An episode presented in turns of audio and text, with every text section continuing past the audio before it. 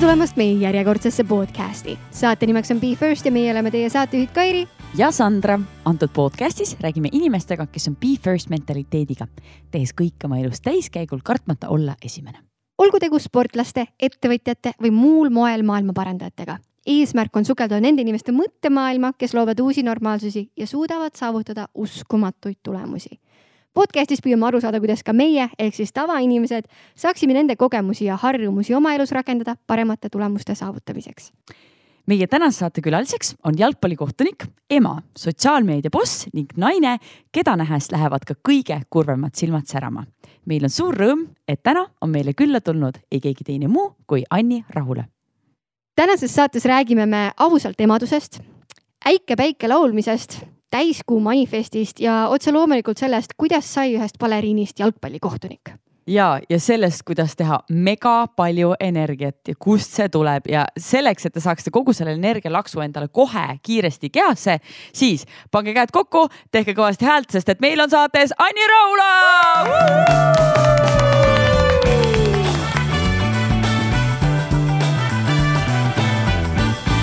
Tšau, tšau, tšau, tšau, tšau, ma ei tea, miks ma lehvitan, aga tšau, tšau. äkki mõni inimene tunnetab ja. selle vibe'i ära, sa kätega vehid niimoodi. ja selline rõõmus tervitus kõigile muidugi, tšau. sa oled energisi täis, sa tuled vist äh, otse Eesti Laulu proovidest äh,. absoluutselt, äh, saatsin Aneti ja Fredi just lavale proovi ja siis põgenesin siia kiiresti, nii et äh, ma ei tea, kui pikalt siin läheb, vaatame, kas ma saan nad lavalt vastu ka võtta kaua nad seal laval on? ma mõtlesin, et lood on kolm minutit ei, tegelikult prooviaeg on nelikümmend, et ma juba arvestasin, et ma ei. ei, siis sa ei ähm, jõua. ei, siis sa, sorry, siis sa ei jõua. nii tore on vaadata, inimene tunneb ennast nii loomulikult nagu mikrofoni taga. kuidas see nüüd juhtus nüüd siis niimoodi? Ehm, noh, tegelikult on äh, see pisike ajalugu on mul, et ma olen Ring FM-is olnud hommikuprogrammis siis wow. mikrofoni taga ja pluss äh, mu ümber on ju kõik need inimesed on kogu aeg mikrofonid käes. isegi mu enda laps võttis alles kodus mikrofoni ja ütles, et äh, davai, issi hakka nüüd klaverit mängima. ise on kahepoolene, et davai ei öelnud. ma nägin seda videot, kus ta oli lava, lava peal. ma ei tea, miks ma neid air quotes'e praegu tegin, seda pole ka näha. ta kukkus sealt maha ja ta jätkas laulmist, nii vapper. ja kukub maha ja siis tõstab uuesti tõuseb püsti ja laulab edasi, et, äh, et jah, mikrid on, Eesti Laulu see avaäkti äh, lugu tegelikult, mis Taukar ja Niinemets räppisid, siis seal ma tegelikult laulsin taustavokaale ka, keegi ei tea nüüd, oih. tegelikult? sa oskad nii hästi laulda äh,? ei okay.. natuke, natuke, ütleme niimoodi, et, et vajaliku teeb ära, aga ma mitte kunagi ei. oota, Anni, tõmba nüüd korraks üks taustavokaal jumala hoia, ongi, ma selle Äh, kisasin põhimõtteliselt seda Eesti Laul e, Eesti Laul aga miks sina, kas see on lihtsalt mingi budget'i budget'i pärast? ei, aga nali naljaks, neid äh, fonogramme mul abikaasa teeb päris palju erinevate saadete jaoks ja siis äh, näosaates ma olen ka mingi äike päike päkke laulnud näiteks näosaatesse ja nii edasi, et need on minu nagu äh, muusika, e, panus Eesti muusikasse. kuule, kui teil on vaja veel low budget'iga mingeid asju teha, ma võin tulla ka mingi äike päike laulda kuskilt tagapäkki. mind ärge kutsuge, aga te juba lähete väga lappesse. tunneme meil on iga saate alguses kohustuslik üks mäng. kas sa tead, mis mäng sind ees ootab? aiman. aimad, väga hea. tegemist on siis esimeste mänguga, juhuks kui meil on mõni uus kuulaja, siis tere äh,. mäng on väga lihtne, meie alustame lauset ja sina lõpetad ja me räägime sinu esimestest mm. -hmm. valmis? jah. esimene õnnestumine äh,. kui ma pean niimoodi kiirelt vastama, siis ma ütlen, et ma tundsin ennast esimest korda hea inimesena, kui ma olin kusagil neljane ja ma, meil oli kaks kassi ja üks tahtis teise eest kõik toitu ära süüa ja siis ma hoidsin seda agressiivset kassi kinni pool aega ja siis lasin tal nagu minna pärast, kui, kui see tagasihoidlik kass oli ära söönud, siis ma mõtlesin, vau, et see ongi see, mida ma pean nagu elus tegema, et balansis oleks kõik. kassi kinni hoidma. nagu aitad no, seda poolt, kes vajab abi. ja sest teine, teine ei nagu ta ei julenud minna sööma, see esimene no, kass oli natuke tige ja siis ma vaatasin, et issand ja siis niimoodi peabki elus toimetama, et keegi ei jääks nälga, et kõik saaksid nagu olla õnnelikud ja võrdsed ja kõhud täis. kas see on tänasesse päeva sul üle ka kandunud kuidagi igapäevaellu? Äh, ma hoian kindlasti neid tagasihoidlikumaid tüüpe, kes vajavad äh, motiveerimist ja julgustamist, et kindlasti, äh, et mul need kiisukesed on inimesed et see on mingi selline asi, mis mul on lapsepõlvest nagu oh, et see mul õnnestus hästi, et ma kuidagi olin kuidagi kasulik. see on nii äge mõte, ma võtan selle kindlasti kaasa siit äh,. aga Anni, järgmine küsimus, sinu esimene läbikukkumine äh, esimene läbikukkumine, no tegelikult see on väga raske küsimus, millele vastata, kas ma pean sada protsenti vastuse andma selles suhtes, et ma tegelikult tahaks niimoodi öelda, et ma olen alati selle mentaliteediga, et ma ei ole läbi kukkunud, ma lihtsalt olen midagi õppinud ja ma olen juba parem inimene sellest. Et.... mulle nii meeldib, kui ta küsis küsimuse, siis lihtsalt ise vastas sellele praegu. ei no selles mõttes sõnastame siis lihtsalt ümber, et esimene õppetund. Ähm, no ja selles suhtes, et äh, mul on hästi eredalt meeles jälle lapsepõlves selline äh,, käisime loomaaias ja ma ei osanud hästi arvutada ja e-, vanemad lubasid meile osta igale ühele paki krõpsu, vist suure paki, paki krõpsu. ja suurt pakki krõpsu ei olnud. ja siis mulle anti küll täpne raha ja need väiksed otsustasime niimoodi, otsustasin niimoodi, et okei okay,, siis ma ostan kõigile kaks väikest. ja ma ei osanud arvutada, et kaks väikest on äh, kallim kui üks suur.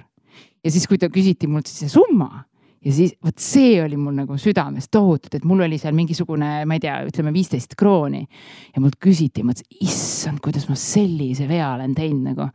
Need on need kõige kummalisemad asjad vist, mis, mida ma siit praegu välja räägin, mis mul on nagu, et, et ma ei olnud nagu valmis alternatiivi kaaluma, et, et kui ei ole seda suurt pakki krõpsu ja viisteist euro, viisteist eurot jah, krooni et siis, siis mis siis, kui see on alternatiiv? Ja sealt ma nagu õppisin seda, et ma pean olema valmis, et asjad ei lähe alati nii, nagu mina tahan.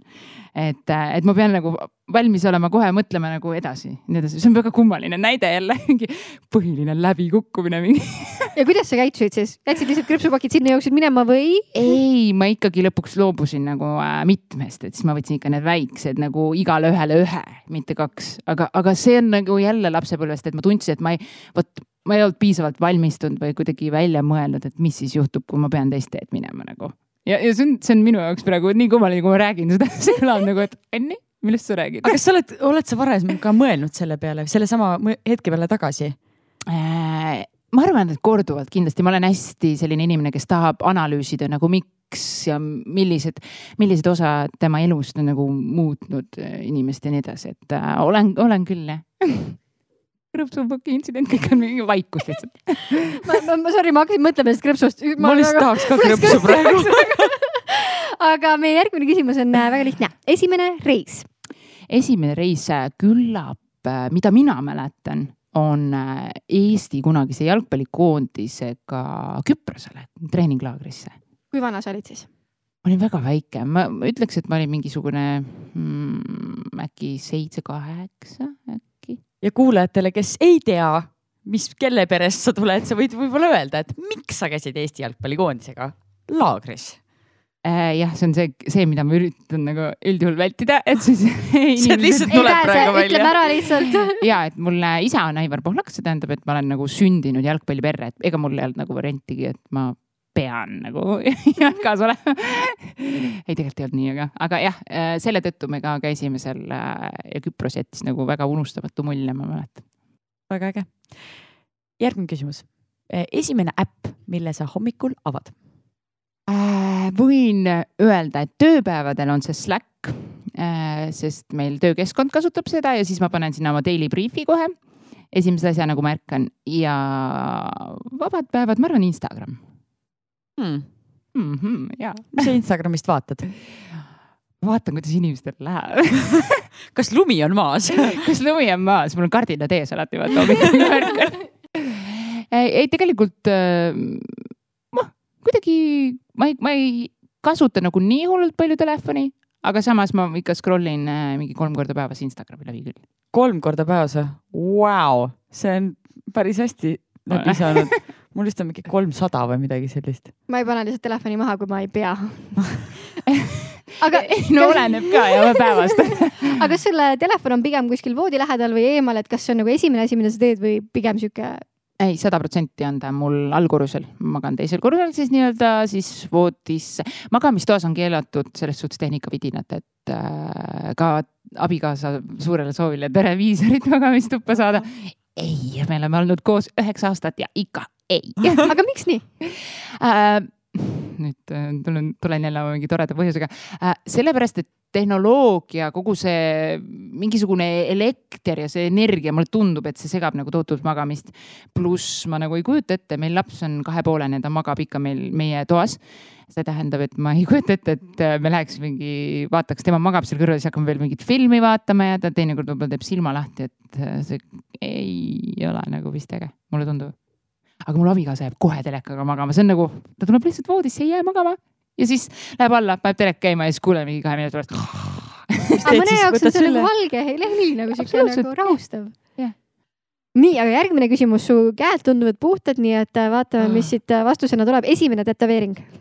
Äh,. käed on puhtad ja, äh, ja tegelikult jalad on ka puhtad. Äh,. selles suhtes mul oli üks tätoveering, mul enam ei ole nii oh,. nii, mis kus ta juhtus? kadus? mul oli siin äh, parema jala külje peal oli delfiin, mille ma tegin mingi, ma olin mingi viisteist, kuusteist. ja ma läksin niimoodi tätoveerimissalongi, vaadake, kui mõjutatav ma olin omal ajal. et klassis kõik hakkasid tegema tätoveeringuid ja ma olin oo, täiega lahe ja läksin äh, tätoveerimissalongi ja vaatasin ja ma mäletan, ma mäletan oma peas, ma mõtlesin appi, ma ei leia siit midagi ilusat, aga vahet ei ole see tundub kõige parem ehk väga läbimõeldud ja siis ma tegin selle jala peale ja siis ma võtsin selle ära äkki umbes viis aastat tagasi, lasin eemaldada. jõhkralt valus, jõhkralt kallis ja nii edasi, nii et äh, kes ei taha, ärge tehke, ärge suvaliselt minge, oo see delfiin kõlbab küll. aga Aga miks sa lihtsalt seda alles ei jätnud nagu mälestusena, et ei, sa ei, õnneks ei, ei ole näinud mingi delfiin ja siis leegid. oota, oota, kas internetiavarustes on see pilt kuskil olemas? vist ei ole, ma olen seda väga osavalt peitnud. delfiin ja leegid kõlab nagu Oh my God. nagu hell of a story. aga kas tulevikus äh, mõtled mõnele uuele, ei mõtle? mina, kui siis ma teeks näiteks abielusõrmuse alla mingid tähed, siis mingid tähed kõlab nagu A, B, C näiteks. ei, või siis nagu mingid laps. ABC. ei, ei, aga äh, või siis mingi lapse sünnikuupäev või initsiaalid, abikaasa omad või, või kuidagi, vot see võiks olla variant, aga ma ei näe ennast nagu ta mingit näkku tätoveerida mingi pisar või niimoodi. ei iga uue mingi kampaania eest või projekti eest pisar juurde. ja täpselt, ei, appi. ei, ma arvan, et tätoveeringutega selles suhtes suurtega vähemalt nähtavatega on nagu, on kõik. võtame nagu, kustutame selle eelmise jutu ära, keegi ei tea siis. okei palju häid mõtteid, aitäh teile nende heade inspiratsioonide eest, pisarad ja kõik, mis võiks endale näo peale teha, aga mis oli sinu esimene mõte täna? ühesõnaga, ma ärkasin hommikul ülesse ja esimene mõte oli Tõnis Niinemets, miks sa nii tegid? see on, see on haige. ma nägin, nägin, nägin unes nagu juba tänast mingit proovi, Eesti Laulu proovi ja siis nad tegid mingi laval mingi jama ja ma olin, see oli nagu nii päris, et ma nagu põhiline asi, et ma, ma juba nagu reageerisin, kohe reageerisin, et, et miks sa nii tegid, Tõnis.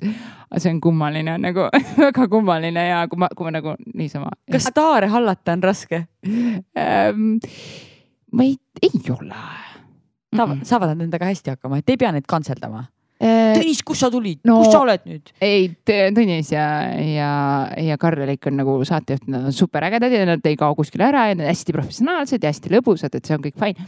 aga mul on see hea meenutus ikka eelmisest aastast Saku Suurhall, Sisse Marss, mina toon kõik artistid nagu sinna taha, panen paika niimoodi, et minu töö on see, et nad õigel ajal laval oleks, lavalt maas oleks, green room'is oleks ja nii edasi kui keegi pissile läheb, läheb ka minuga koos põhimõtteliselt. aga äh, siis panen nad kõik järje, üldiselt järjekorda, et äh, sisse marsiks ja siis äh, vaatan üks, kaks, kolm, neli, viis, kuus, nii siin on korras, lähen teisele poole, üks, kaks, kolm, neli, viis. mine metsa, üks on puudu, kes on puudu, kes on puudu ja muidugi noh, esimese mõttena oli õige mõte, Stefan, kus sa oled nagu. kutt oli lihtsalt mingi viis minutit ennem otse-eetrit otsustanud Saku Suurhalli ette pilte tegema minna fännidega. ja siis ma jooksin lihtsalt, ma nägingi igal pool lihtsalt Stefani särkidega fännid olid, siis ma mingi hõikasin neile, kus on Stefan, kus on Stefan. mõtlesime enam-vähem alternatiivset plaani, et umbes, et mis siis juhtub, kui Stefanit ei ole, et kas näitame kuskil pilti ekraanil või noh, no ülikiire reageerimise hetk ja, ja siis keegi ütles, ta läks just sinnapoole. Ja siis läks, jooksime läbi koridori ja siis ta tuli ja me rääkisime, tule nüüd umbes. Kaksteist sekundit ennem lavale kõndi oli sealt taga nagu. ja ma ütlesin ka nagu seal selleks kaheteistkümneks sekundiks, ma, ma ei mäleta, kes ta ees või taga pidid lavale kõndima, aga ma ütlesin, aga hoidke teda jumala eest, hoidke teda kinni nagu. Aga kas ta on nüüd õppinud, kas ta nüüd on ilusasti lava taga olemas või? Äh, kusjuures ta, ta just äh, jagas Insta story's mingit pilti, Oo, et äh, et kui tuleb roll up on time nagu Eesti Laulul olid niimoodi näpud püsti, et kõik arvavad, et sa jääd hiljaks ja sa tuled õigel ajal. et siis ta tegelikult on väga tubli see aasta olnud, kuigi ma täna viisin ta lava taha. noh, ma selles suhtes olen huvitav huvitavalt teen seda Eesti Laulu tööd nii-öelda, et ma lähen nagu siis staapi ja teen oma teist tööd sest nelikümmend minutit on nad laval, onju. et kui minu töö on nagu tehtud, ma, ma ei jää sinna seisma, et noh, et kas sul body back, pannakse või nii edasi, need suunatakse kohe lavale edasi. ja siis ma täna viisin Stefani sinna. ja siis äh, ma teadsin, et tal mingi viis mintsi peab ootama seal ja siis, siis kuulen, keegi siin koridoris, kus Stefan on ja siis ma mingi ups et ma nagu kuidagi arvestasin, sest poolfinaalidel ta oli super tubli, ta oli alati kohal ja kõik ah,, üks ikkagi ennem sisse marssida, tal oli Jakar Terobis vist ja siis me lasime kellelegi ära tuua umbes. aga noh, see oli minu jaoks nagu super juba, et äh, aga ja siis ta, aga õnneks Stefan oli lähedal, selles suhtes ta oli kohe lava taga. aga ja ei, ta on väga tubli. ta on arenemisvõimeline, ta on väga tubli järgmine teema haakub väga hästi sellega. ja et Popuniinu näinud siin Stefanit ja artiste ja päästad siin kasse, kes ei saa süüa, et kes sul esimene lemmikloom oli? Esimene lemmikloom oligi Kiisu, tema nimi oli Kissa, ta oli valge kass ja tema oligi see, see tagasihoidlik kass, keda ma siis päästsin enda arvates. meil oli must ja valge klass, must oli hästi agressiivne ja sihuke ja siis jah, see, seesama lugu, mis oli nüüd, te teate, et see oli Kissa. Kissa oli see minu lemmikloom. ja kuidas sul täna on, on veel pisikesi loomakesi? Ähm, noh, see on kurb lugu, vaata positiivne podcast, aga mul oli äh, koer, Fifa, onju, aga siis temaga läks nagu läks, et äh, elame maal täiesti metsa sees nagu täiesti metsas, et äh, ja siis hundid võtsid tema kaasa, kuigi ta on nagu suur, suur, suur koer, sihuke kuuskümmend kilo oli, onju. et äh, jah, hästi kahju, et me ei osanud teda nagu õigel ajal kaitsta. aga meil on nüüd uus sama tõugukoer, Pürene mästikukoer ja tema nimi on Rock ja ta on, ta on sihuke veits otu ja väike veel nagu mingi, mis ta saab varsti aastaseks äkki, et. mille järgi te koertele nimesid võtate? FIFA ja FIFA Rock? oli aga samas rock nagu. Mu mees on ikka rocki fänn, okei, and roll. okei, ma mõtlesin, et see on äh, rock nagu olümpia, ma mõtlesin nagu, olümpiakomitee. nagu, Ma mõtlesin nagu kivi. Roki tantsutüdrukul äkki. Oh, okei, Rocki tantsutüdrukud olid üks minu esimene armumine. Aga Anni, kes oli sinu esimene armumine? Oh my god. siin on nüüd Spill imelik. las ma mõtlen. oh issand. ma olen kindlasti olnud see klassikaline see aeg, kus olid Backstreet Boysid olid nagu mingi seina peal kõikidel. no milline neist, milline neist? kui ma ei eksi, siis mulle meeldis see, ei, oli, oli Backstreet Boysis see Brian äkki või? jah, jaa. jah. kuigi mu valikud tehti maha sõbrannade poolt, ma mäletan. Nad lihtsalt tahtsid ise teda. sellepärast. aga ta oli siuke pai poiss, vaata mm. -hmm. et mul on nagu see pai poisi nagu see imago alati nagu istunud hästi. Brian ja su praegune abikaasa on päris sarnased, kui hakkad mõtlema ahaa, et Täpselt jah? ja boybändi nagu oleks. ei, ja jah, muidugi. aga me oleme jõudnud oma mänguga kõige viimase küsimuseni, mis on esimene kord, kui tundsid enda üle mega suurt uhkust. ütleme niimoodi, kui ma esimest korda, mis ma olin äh, seitse, kaksteist, kolmteist äkki, millal ma balletikooli läksin ja siis, kui ma Estonia laval Esmeralda etendus oli ja siis me saime seal äh, pisikesed said nagu mängida neid lapsi seal ja siis ma olin seal lava peal ja mõtlesin, vau, nagu noh, et kuidas ma siia sain või, või millega ma nagu olen ära teeninud, siis ma tundsin küll uhkust, et nagu ma olen nagu midagi päris hästi teinud vist.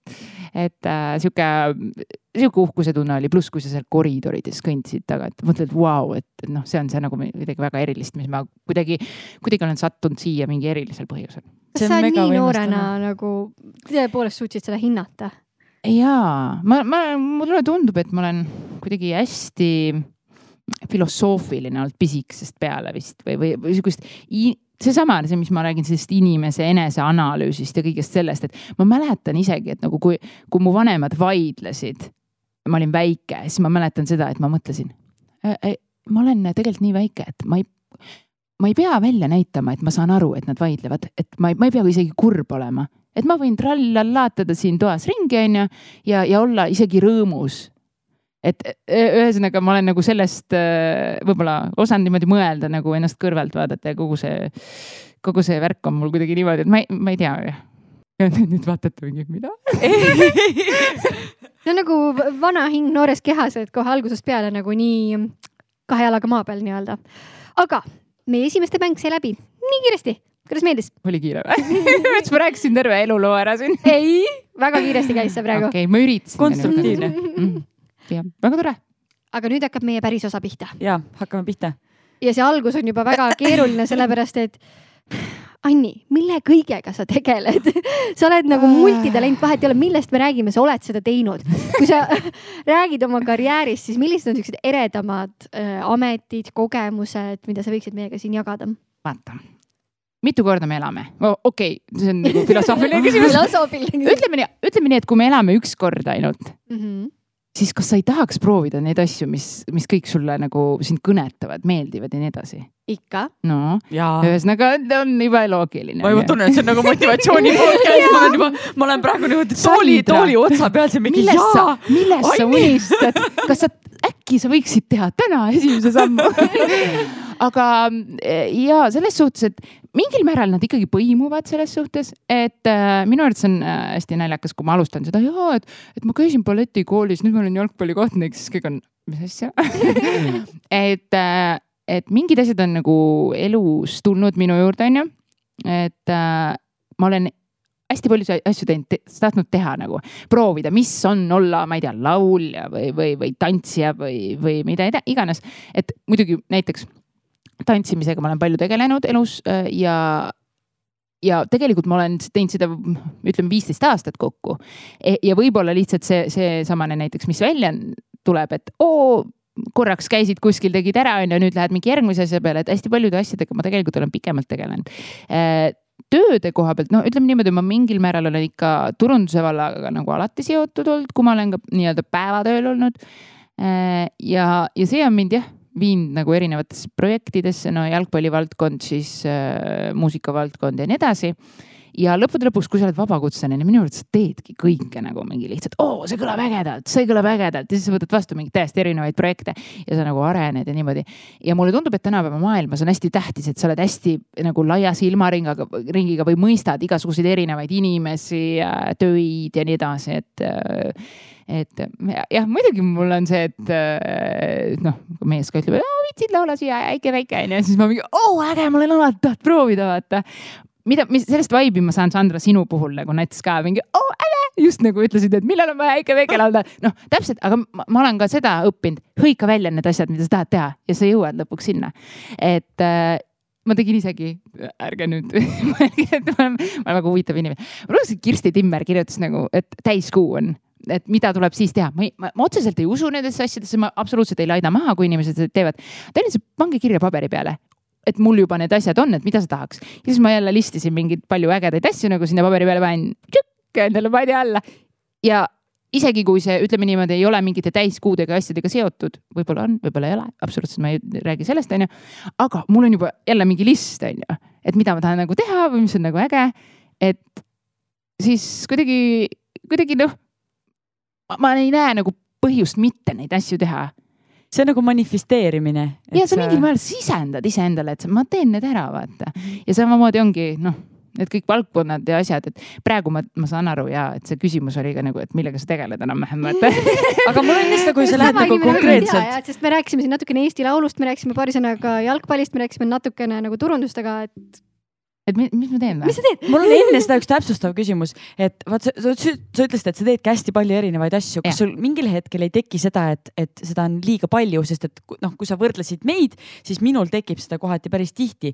mina näiteks vaatan Kairit ja mõtlen, et ma tahaks osata niimoodi, et ma valin endale selle ühe kindla fookuse ja ma teen Jaa. ainult seda sellepärast, et see inimene on lihtsalt nii hea selles, mida ta Jaa. teeb ja siis ma vaatan ennast, mõtlen, et okei okay,, ma teen seda natuke hästi, natuke seda, natuke seda, natuke seda. et kuidas sina balansseerid seda Mm, tunnet? ma arvan, et jah, vaata, see on erinevat tüüpi. mulle meeldib kogu aeg mu oma abikaasast räägid, sorry, pool posket, pane sinna Anni Raula ja Tomi aga tema on täpselt see tüüp, ta ajab ka mingit oma ühte asja, vaata. lihtsalt mingi, no võttis selle jalkakohtuniku ameti ka kaheksa aastat tagasi endale onju, et tal on nagu kaks asja, et ta siis selle muusika ja siis äh, jalkakohtunik onju. ja siis mina mingi mm, lo- loen neid äh, liste mingi, et äh, vaata, see on, ma arvan, inimtüübi küsimus ka mingil määral, et mulle meeldibki olla nagu mingil määral kaose sees et teha nii ja naa ja, ja pluss ei ole niimoodi, et ma teen kümmet asja korraga. mul on näiteks mingi üks projekt jaanuarist märtsini ja loomulikult siis loodus tühja kohjad ei salli nagu enam-vähem kui märtsis uks kinni tõmmata, kus ma juba hüppan kuskilt aknast välja, et davai, lähme edasi mingi ägedama teise asjaga. et ähm, et mingil määral on neid palju ja uh, saa veel laps ja siis ürita neid asju teha nagu mingi halloo, hulluks minemine, jee. soovitan kõigil lapsi teha väga hea müügiargument praegu. ei, et aga sa siis õpid veel mingi noh, mul on, mul on see, mul on see, et mida rohkem ma teen, siis ma vaatan, ma suudan veel rohkem ja siis ma võtan, võtan, võtan, et nüüd ma vähemalt olen nagu üritan nagu stopp, stopp, stopp, et okei okay, ainult umbes seitse asja et äh, ma mingil määral nagu ja, ja see, see on ka mingil määral nagu vanusega, et sa siis sa hindad ennast, sa hindad oma aega ja nii edasi. et äh, oskad teha valikuid, aga, aga ja, ja eks ütleme niimoodi jah, see jälle kõlab alati niimoodi mingi miljon asja, aga tavaliselt see on üks nädal üheks asjaks, järgmine nädal teiseks ja, ja tegelikult ma saan teha mitut asja nagu süvitsi nagu jalgpallikohtuniku amet, mul on üheteistkümnes hooaeg, vaata. et noh, seda on nagu palju ja mingid asjad nagu jäävad, aga just siuksed projekti asjad käivad nagu sutsuga rohkem, et äh, ega ju Eesti Laulu asju ka, noh, ma teen nagu jooksvalt natuke aitan mingeid asju ja, aga on ju, mul on see päevatöö ka, on ju. Et kuhu ma nagu pean päriselt jõudma. Et kus peab töö ka ära tegema. ja päevatöö on sul, ma olen äh, nüüd sügisest äh, Promoti platvormil siis kva kampaaniate kvaliteedijuhina tööl. see on hästi põnev ja lahe. mida see tähendab tavainimesele, kes ei tea turundusmaailmast mitte midagi? Äh, no Promoti on siis äh, platvorm, mis ähm, ühendab siis turundajad, agentuurid, noh, kes, kes äh, tege-, tegutsevad selle maailmaga siis äh, sisuloojatega hästi mugavalt, et nad ei pea neid kuidagi käsitsi hakkama kuskilt otsima ja nii edasi, et, et siis need äh, nagu sisuloojad kandideerivad kampaaniatesse ja siis, siis äh, ühesõnaga minu, mina vaatan üle, et äh, kampaaniad saaks kõik ilusasti üles, oleks kõik äh, nagu arusaadav, mõistlikud kampaaniad ja nii edasi. et äh, siis jah, nende ka- äh, kvaliteedi eest nagu et kui ma turundajana tahan sellele platvormile tulla ja ma tegelikult ei oska veel võib-olla väga hästi seda kampaaniat lahti kirjeldada, et siis sa juhendad ja aitad põhimõtteliselt. absoluutselt nii, jah, et meil ongi erinevad äh, turundusagentuurid, kes iganes, et meil ei ole ka ainult et- ettevõte otse või, või niimoodi, meil on hästi erinevaid nagu, et vabakutselised mässavad ja kõik, et äh, see on päris lahe. Kas see kvaliteedikontroll on nagu teistpidi ka, et kas mõjuisikuid või sisuloojaid ka vaadatakse kuidagi? Äh, mingil määral, ütleme nii, me oleme siiski platvorm selles suhtes, et me kedagi nagu ise, ise ei vali seda, kes sinna üles ennast, enda kandidatuuri seab, aga loomulikult, kui me näeme ka, et keegi on veel puudu, et võiks muud, noh, midagi juurde panna, et siis, siis, siis äh, kutsume ka kellegi teise näiteks liituma või nii edasi, aga meil on veel muidugi mingid sihukesed märgikesed, kes on nii-öelda pro eh, sisulooja või siis vastupidi, et ei taha eriti kontakteeruda ja nii edasi, tähtaegadega on keeruline ja nii edasi, et me üritame selle nagu maksimaalselt mugavaks teha. ma just eile pidin selgitama ühele äh, tuttavale inimesele, et äh, kuidas Promoti töötab. kas sa saad lihtsalt paari lausega rääkida, et kui ma olen, tahan teha kampaaniat, ma tulen mingi, olen agentuur näiteks või mingi bränd, tulen teie juurde, siis kuidas see töötab? oh,. ma küsiks sult kohe vastu, et kellele sa seletasid? pärast räägime sellest. ühesõnaga, Promoti ongi pla selline platvorm, turundaja lööb, loob konto, siis ta kirjutab lahti, mida ta turundab, näiteks ütleme niimoodi pudel vett, on ju eh,. tahaksin leida sisuloojad, kes on hästi näiteks, ma ei tea, sportlikud, ma ei tea, kannavad alati roosat, ma ütlen praegu suvalisi asju ma siukseid asju nagu ei. kogu aeg roosat. päris hea valim. ja, ja umbes on meeter seitsekümmend viis pikad, on ju. üks inimene, Anni Rahula ei, ma olen pikem, aga juba kriips kandidatuurid maha, aga jah, siis panevad kirja need asjad ja siis on mingi don't näiteks, et äh, ära, ära ole lilles riietuses näiteks ja mingid sellised asjad ja hashtag'id näiteks oh, vesi ja nii edasi. paneb üles ja siis sisuloojad lihtsalt kandideerivad. Need sisuloojad, kelle vanus klapib sellega, mis kampaaniasse panid, kelle näitajad, jälgijad ja nii edasi kandideerivad kampaaniasse ja, ja siis äh, turundaja saab ise teha selle valiku, op, mul on siin viiskümmend inimest, ma tahan kasutada näiteks ühte, kahte, kolme, nelja, viite ja siis paned seal accept ja siis nemad siis hakkavad äh, sisu tootma. pildid tekivad sinna meie keskkonda ja äh, turundajal ei ole kohustus ühtegi pilti ära osta, tal on null kulu, kui ta ei, tegelikult ei taha seda sisu. ehk siis me oleme hästi mugavaks selle teinud. platvorm on põhimõtteliselt tasuta, kuni sa leiad selle sobiva sisu ja siis äh, valid sisud ära, tekst on korras, kui ei ole, paned reject, nad muudavad teksti ära. näiteks ma ei tea, kirjutasid, ma ei tea, õunast, aga vesi oli teemas, vaata. ja, ja siis, kui on confirmed, siis nii-öelda ostetakse need postitused ära, siis äh, rahalise kampaania puhul saavad sisuloojad siis raha tasuks on ju, tootekampaania puhul tooteid ja ja nii see käibki ja piisav arv peab olema päevi pilt üleval, muidu ei ole koostöö edukas nende jaoks ja siis ei ole ka turundajal äh, nagu rahalist kohustust. selline, selline platvorm, et ei pea edasi-tagasi kirjutama, et kas sulle sobib see päev postitada või kas pilt on sobiv ja nii edasi, et see on kõik nagu ühe platvormi peal äh, tehtav. sihuke mugav, mugav värk lihtsalt tehnilise küsimusena, nad panevad, postitavad oma kanalitele üles, ütleme näiteks Instagrami panevad postituse üles ja siis turundaja vaatab, et aa, siin on mingi error ja ta laseb tal hiljem selle ei, ümber muuta. ei, see kõik käib ennem, pildi kinnitad, teksti kinnitad, kõik kinnitad ennem ära. keegi ennem midagi üles ei pane ja kui see final confirmation on, siis see läheb üles, jah. Aitäh! Ma pean siinkohal kohe küsima, et kuna see ettevõte on põhimõtteliselt üles ehitatud mõjuisiku turunduse peale, et siis mis te arvate, kuhu see liigub, kas mõjuisiku turundus kas sellel on tulevikku või see sureb välja, nagu siin osad räägivad? Äh, no me just va vaatasime, meisse usutakse, ütleme nii, nii palju, et me just äh,. Obviously meil nagu Funderbeamis just kampaania pandi seitsme tunniga pandi kinni, et äh, me siis äh, kogusime sealt äh, poolt miljonit arenduseks ja, ja ikkagi statistika ja see näitab, et see nagu kasvab et äh, kuniks ma natuke teinekord kardan, et, et seda võib-olla võib, on hea variant on seda ka ära solkida nagu, et sellel on nagu halb maitse ja asjad juures, et, et seda me kõik üritame ka noh, sedasama meie platvormiga nagu teha, et asi oleks nagu professionaalne ja hästi tehtud ja mitte osta seda vett, vaata sealt kas te valite kliente ka? Mm, äh, otseselt mitte, aga kampaaniatel on ikkagi selliseid asju ka ette tulnud, mina ikkagi, minu eest käib, kõik need kampaaniad käivad läbi ja kui ma vaatan, et oot-oot, et seal on midagi täiesti mingi error sees, et äh, minu asjad on maailma parimad, kirjuta niimoodi vaata, et äh, ise ei ole proovinudki, on ju, et siis, siis need asjad muidugi läbi ei lähe, aga tavaliselt ikka turundajad ilusti parandavad ja teevad, teevad need mõistlikuks ikka jah. See maailm on minu jaoks väga tuttav maailm, aga teine maailm, kus sa elad juba üheteistkümnendat hooaega, nagu sa ütlesid, on täiesti müstiline minu jaoks. kohtunikuamet, see tundub äärmiselt mitte tänuväärne amet. miks sa selle valinud oled? miks sa seda teed? jaa, Anni, miks sa, see on õige küsimus, miks sa seda teed? kas keegi, teie ei taha mingit päevakogust sõimu saada, lihtsalt mingi täna sõim käes, lähme edasi äh,.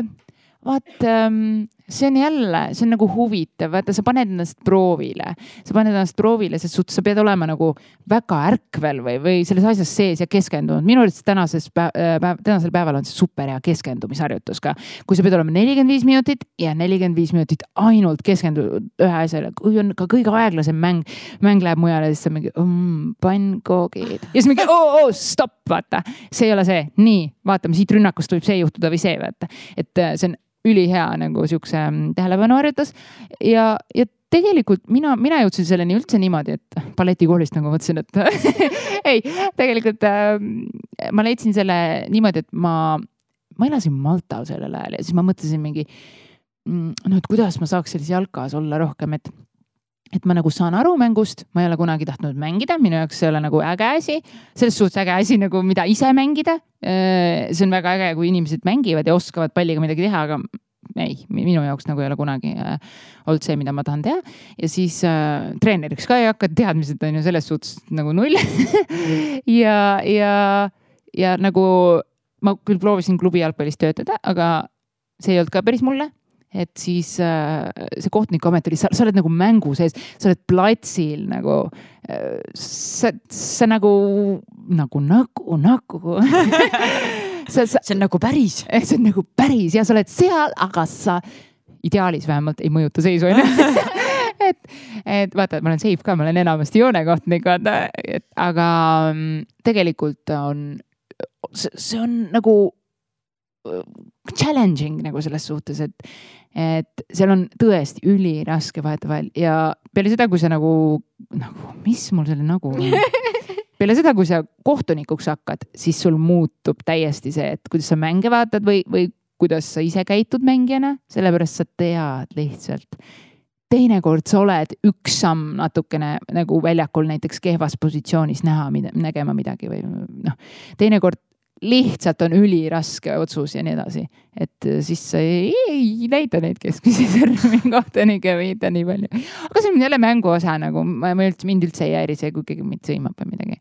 et äh, võib-olla mõnikord ma olen äragi teeninud selle, onju et see, seda ma ei taha kõva häälega muidugi väga välja öelda, vaata, et siis, siis äh, podcast'is mingi davai, aga, ei no miks no.? aga no ütleme nii, me kõik eksime, ründajad kõik ei löö väravaid iga kord. noh, teinekord nad virutavadki värava poole ja siis see läheb külje out'i ja siis sa mõtled äh,, nojah et kõigil juhtub äh,.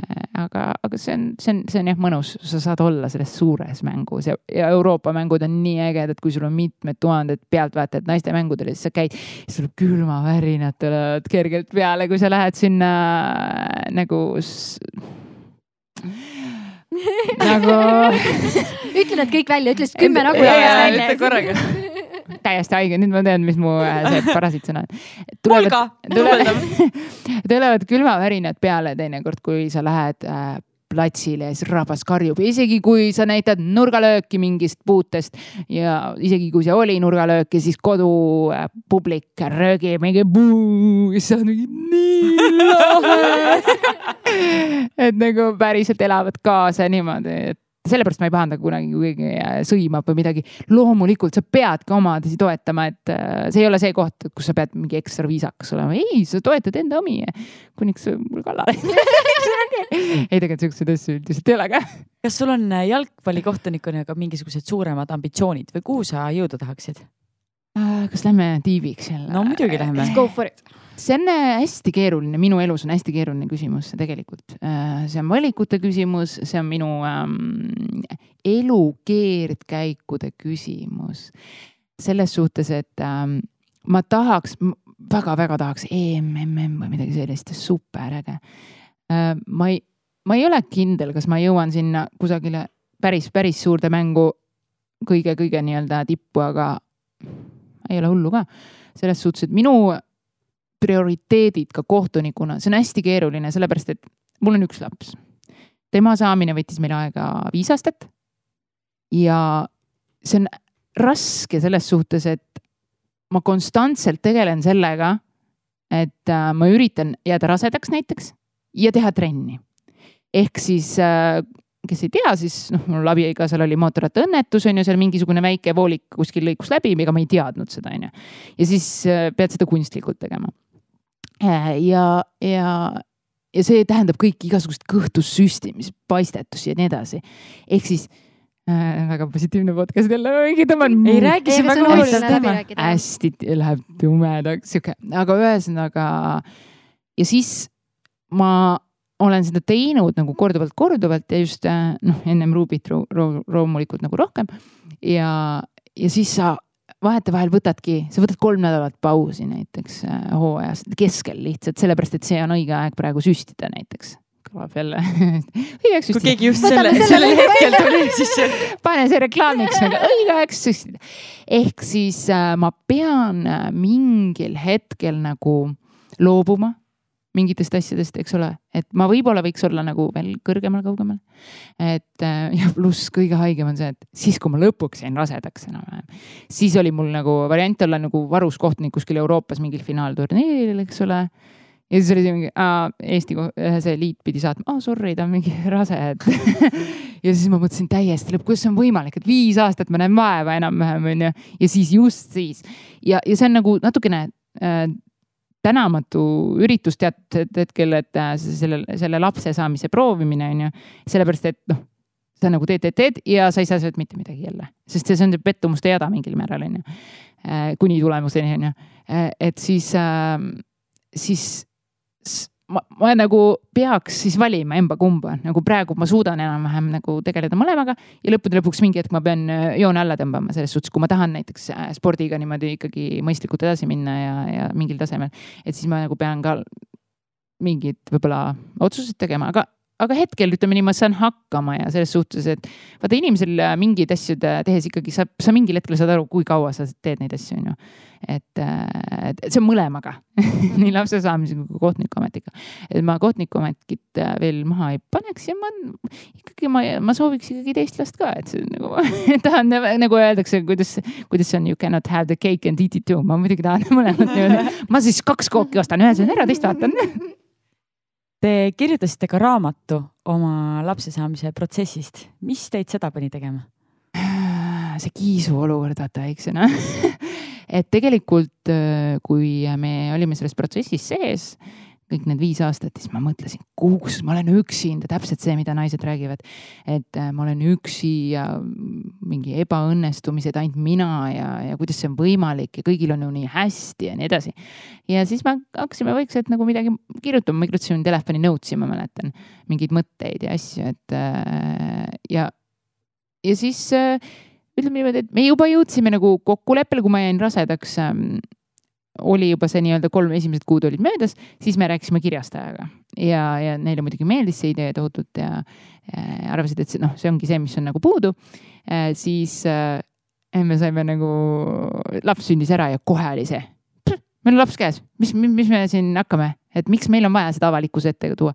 ja te ei kujuta ette, kui äh, mina, kes ma, ma olen mingi zen, üüber zen ja kõik on chill on ju kogu aeg. Ja siis äh, nädal enne raamatu ilmumist juba mul oli nagu, ma olin kogu aeg hästi närviline kodus niimoodi, et noh, ma kuidagi kartsin seda nii tohutult, et kuidas seda vastu võetakse, et, et ma ei nagu, ma kartsin kõige rohkem võib-olla, et inimesed äh, mõistavad nagu sellise raamatu kirjutamise hukka. Või kuidagi see mõjutab äkki mu last või, või temasse suhtumist, et need olid äh,, ma mäletan Mihkel Rauaga me rääkisime kõige esimesena, et keda soovitakse, eks ole temalt me saime head soovitused ja, ja, ja lihtsalt huvi pärast, et kõik olete läbi mõelnud, on ju, et noh see ikkagi paneb ju lapse ka mingil määral nagu tähelepanu alla. Äh, absoluutselt ta ei olnud nagu negatiivne, vaid lihtsalt nagu küsis hästi targalt need küsimused ette ära ja, ja, ja siis see, see pani nagu natuke hinge värelema, võib öelda niimoodi natukeseks, aga, aga siis see raamat tuli välja ja siis kõik uppus mul lihtsalt kogu sotsiaalmeedia, kõik emailid, asjad, kus naised kirjutasid mulle niimoodi, mul tuleb pisar silma praegu nagu lihtsalt äh, seal, seal oli nagu selline auk oli kuskil nagu noh, selles raamaturiiulis inimestel või kuidagi hinges oli nagu puudu ja tulid kõikidel lood ja asjad ja siis, siis me käisime seal, oligi Hommik Anuga saates käisime seda ma pole siiamaani julgenud seda vaadata üle, sest mul oli mingi, mul oli klimp kurgus terve mingi saade lihtsalt.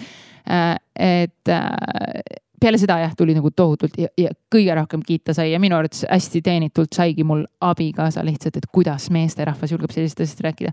ja, ja siis oli ka mingid naised kirjutavad, mu mees ei ole neli aastat arsti juurde nõus olnud minema ja ta vaatas seda minuga ja pani endale umbes aja ja nii edasi. siis ma mõtlesin, issand, kui õige see kõik on ja, ja õnneks tuli jah, seal äh, vahetult nagu ennem tuli see pähe, et, et ikkagi peame selle raamatu välja laskma, sest meil endal oli seda nii vaja.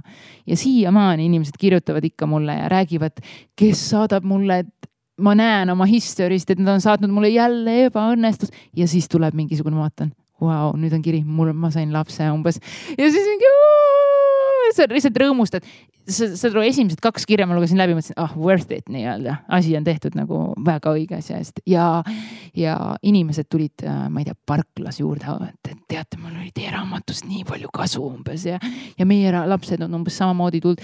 Ja siis sa vaatad tutvusringkonda ja ja inimesed tulevad sulle rääkima mina, mina, mina, mina ja kõik nad ütlevad selle ühe asja. ma mõtlesin, et ma olen üksi nagu. ja siis sa vaatad, et, et sa oled nagu peol toas ja lihtsalt nii palju inimesi sa tead, oskad nagu need kõik nagu kokku lugeda napilt nagu sellepärast, et neid on nii palju. see on mingil määral nagu hästi kurb, aga see on siis noh, selles kontekstis hästi tore, et nagu inimesed kuidagi kõik avanesid kohe ja, ja see on see on jah, ja raamat on ikkagi natuke aega tagasi kirjutatud, selles suhtes ma kasutan siin kohe võimalust, ütlen, et vot meil õnnestus see lõpuks Lätis. Aga ma olen ka Eestis nüüd pärast käinud arstide juures ja, ja ma võin öelda, et Eesti on nagu äh, ka ikkagi tipptasemel, ma kuidagi ei äh,, ei ütle, et Eestis on kehvem. Eesti on nagu arenenud ka selle, selles vahemikus, kus äh,, kus me käisime ära ja pluss ruubi kasvamise esimesed aastad, kus me nagu ei käinud üldse arstide vahet, et, et äh, tohutult äh, ka veel arenenud juurde, et äh, väga Eesti super. See tundub nii müstiline, et te nii julgelt äh, avalikkusele räägite kõigest sellest, kust te võtsite selle julguse, et? vajadusest, ma arvan, ma ütlen, ma arvan täiesti vajadusest, et, et seal oli nagu puudu. ja teineteiselt selles suhtes, et äh, kui sul on äh, toetus kõrval, siis nagu, nagu mul meeski mingi, mis asi see ikka ära on, vaata, et ma ei tee midagi ju. Nagu ma lihtsalt räägin mingi ühe loo, et äh, ta ei näe seda üldse mingi suure asjana näiteks, et võib-olla mina isegi nägin seda selles suhtes suurema asjana, et ma nagu põdesin rohkem, ta on mingi, mis sa põed?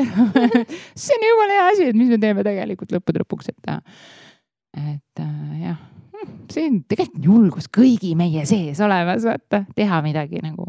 mis, mis oli kõige suurem äh, eneseületus selle raamatu kirjutamise protsessi juures? Mm, ma, ma ei oskagi öelda nagu eneseületus. ma mäletan. mis, mida sa kartsid algselt kõige rohkem? et mis sa arvasid, et sa küll ütlesid. ma võin inimeste... öelda tegelikult, äh, et ma olen hästi õrna hingega inimene tegelikult. sa võid mulle vaadata kurja näoga otsa ja ma hakkan nutma enam-vähem.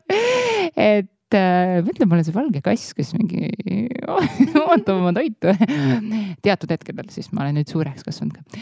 aga äh, ma võib-olla mõtlesingi seda, et keegi nagu ütleb, et issand, et sihuke teema või niimoodi. mul nagu vanem vend on veidi konservatiivsem ja siis tema kuidagi noh, ma andsin kõigile raamatud suguvõsad, ta kuidagi ütles nagu nii muuseas või et, et noh, ma praegu ei taha lugeda seda nagu. või, või kuidagi niimoodi, issand, ma mõtlesin, ma hakkan kohe nutma, vaata, et see on nii, olen kõige halvem umbes. aga sedasama, sedasama, et inimesed ei mõtle üldse halvasti isegi mingeid asju ja mina kartsingi seda, et ma hakkan täiesti mingi ette kujutama mingit esimest, et umbes keegi ütleb, aga ma ei ole su raamatut lugenud, ma mingi, miks ma nii halb olen et, et enam-vähem midagi sellist näiteks. Sandra vaatab mind mingi, kas me võime kallistada ma pärast kallistan sind kindlasti. jaa. see on väga, see on väga suur tegu, mis te tegite kas, ma mõtlen, et enne kui me võib-olla liigume edasi, kas sa tahad selle teema kohta veel midagi rääkida või öelda? Et ma ei tahaks seda nagu kuidagi ära lõigata. vaata ei, tegelikult ei olegi, vaata need inimesed ka, kes vajavad, nad, ma käisin kogemusnõustamise koolituse ka läbi, ma küll eksamit lõpus ei teinud, aga ma sain kätte, ütleme niimoodi, kuna ma kogemusnõustajaks ikka pigem ei hakka, onju. et kuna, kuna enamus, see on see, et kogemuse põhjal inimene suudab teist nõustada teinekord nagu suurepäraselt mm, -hmm. et, et äh, ei ole lihtsalt niimoodi istud psühholoogi kabinetti maha, et tead, mul on see asi, et üldiselt nagu võetakse vaid keegi, kes räägib, et tead, mul oli ka selline asi. et kuna ma enamus nagu kirjad sain nagunii ennem kätte ja, ja mul oli hästi hea meel seal koolitusel olla, sest ma kuidagi tegin neid asju täpselt niimoodi, nagu seal õpetatakse. Eh, kuidagi sisetunde põhjal ja, ja ma arvangi, et noh, igal juhul see rääkimine on nagu kõige tähtsam. mul on, mul on nagu hästi hea meel, kui eh, inimesed seda teevad mulle, nad usaldavad mulle sihukest informatsiooni, ma ei tea, kes räägib, et nad tegelikult näiteks, ma ei tea, said surrogaatemaga lapse, et umbes Eestis on see küll keelatud umbes, aga välismaal saab seda teha. ma mõistan neid inimesi nagu ja, ja mul on, nad ütlevad, et mitte keegi ei tea ja siis ma mingi lihtsalt mõtlen, milline vastutus või kes ütleb ka, et nad kasutasid näiteks spermadoonorit või munaraku doonorit, mis on inimestel, Eesti inimestel veel eriti hästi-hästi nagu selline tabuteema, ma, Miks? ma ei teagi väga äh, see on hea küsimus ka, Erin. ja täpselt, aga üleüldse isegi see kunstlik viljastamine on ju, sa ei lähe mingi peole reedel, aa jõu, me plaanime kunstlikku viljastamist teha. see võiks olla, siuksed peod võiks olla. Davai minu juures. aga miks, miks, miks seda, mis sa arvad, miks inimesed ei julge sellest rääkida, et see on mingil määral inimene ju kardab, et ta on kuidagi kehvem võib-olla sellepärast või, või midagi sellist, mulle tundub. noh, aga mulle teebki see nagu tohutut au, et, et inimesed julgevad mulle rääkida, noh, nad paljud isegi ei kirjuta nagu, et ma ei ole kellelegi teisele öelnud, lihtsalt jutu seest tuleb välja. ja ei noh, õnneks umbes kõik sugulased ütlevad, et on ikka nii isa nägu või, või midagi, kuigi me kasutasime mehe, mehe Mhm. poolt doonorit või niimoodi.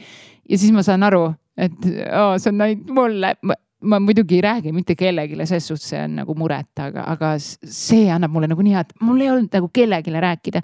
et me abikaasaga oli mingi neli aastat vist ei rääkinud kellelegi ja siis rääkisime ta vanematele äh, põgusalt, kes ka hästi mõistvalt nagu hoidsid ja eemale ei torkinud kuidagi midagi. et siis ähm, jah, et kui inimene leiab selle kellegi, tegelikult on meie ümber, kõigi ümber on mingid sellised inimesed, kellega võib jagada ja teinekord see on isegi üllatav, need inimesed, sa ei mõtle kohe esimese asjana, aga vaata, satud rääkima ja niimoodi ja pluss ma arvan, et ma ise olen ka hästi avatud ja, ja nagu aus inimene nagu suheldes.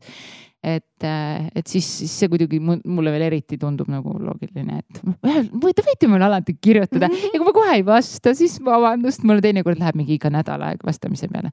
aga mul on nagu hea meel, et nad kuhugi nagu noh, kirjutavad kellelegi, vaata see on koorem on ikka väga ränk.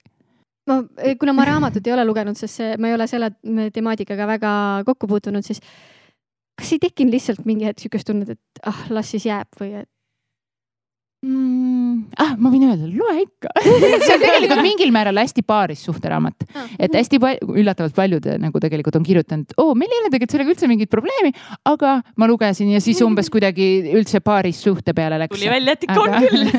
jah, tegelikult on ja pluss aitab nagu teisi inimesi mingil määral mõista. aga see ei olnud nagu mingi müügiräkil, tule meie juurde nüüd poodidesse.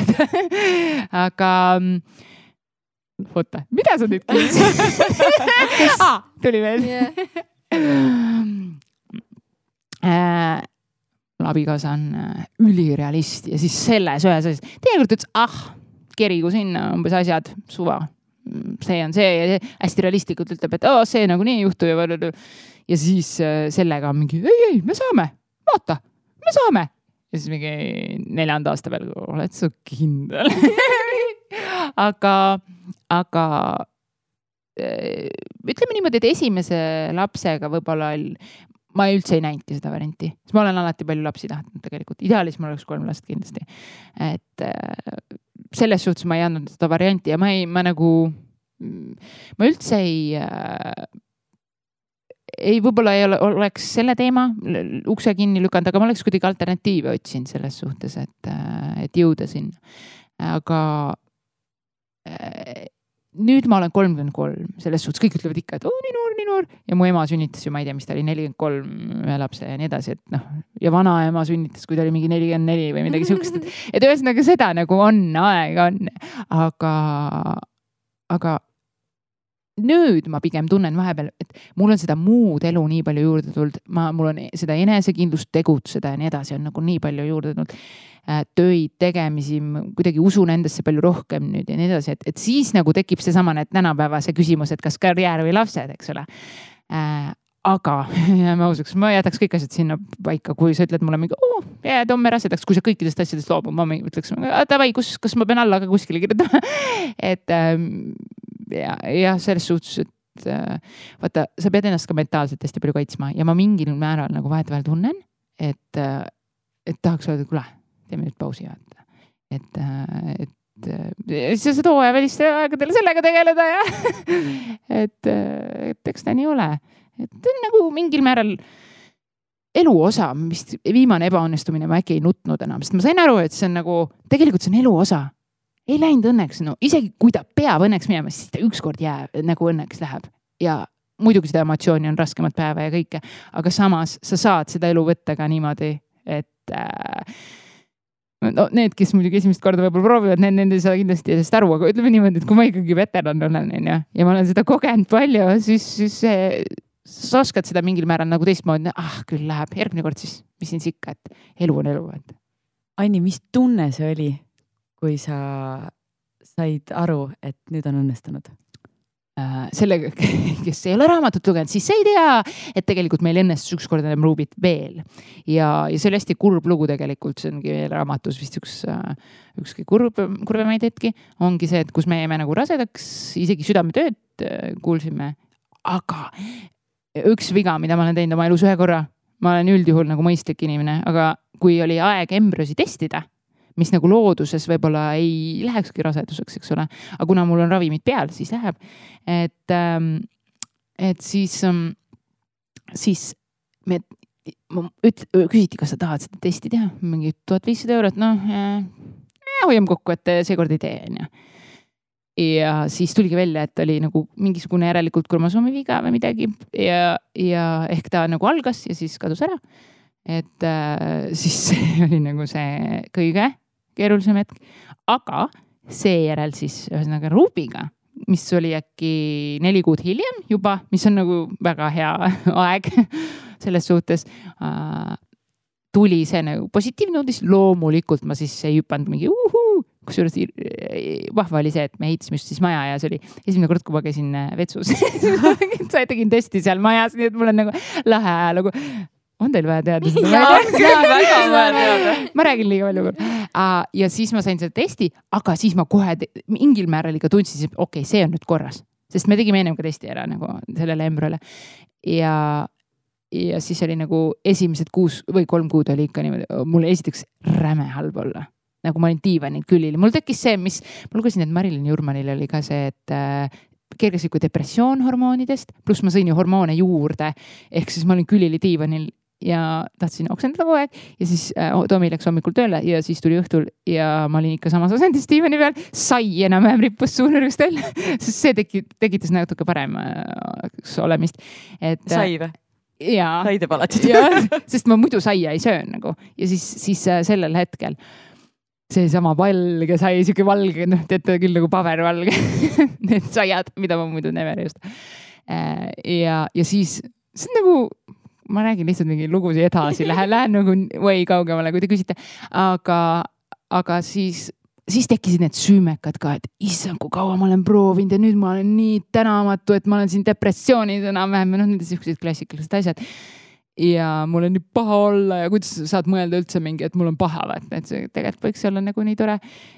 ja siis, kui hakkas heaks, vot siis oli täiega, siis ma tegin ju kohtunikuna töö, noh, ma tegin, mis ma tegin, viienda kuuni tegin edasi, vaata veel meeste esiliiga joone pilt on mul üks, kus lihtsalt olen nagu natuke jässakam, keegi ei saa aru, keegi ei teadnud ju, et ma nagu olen rase sellel ajal.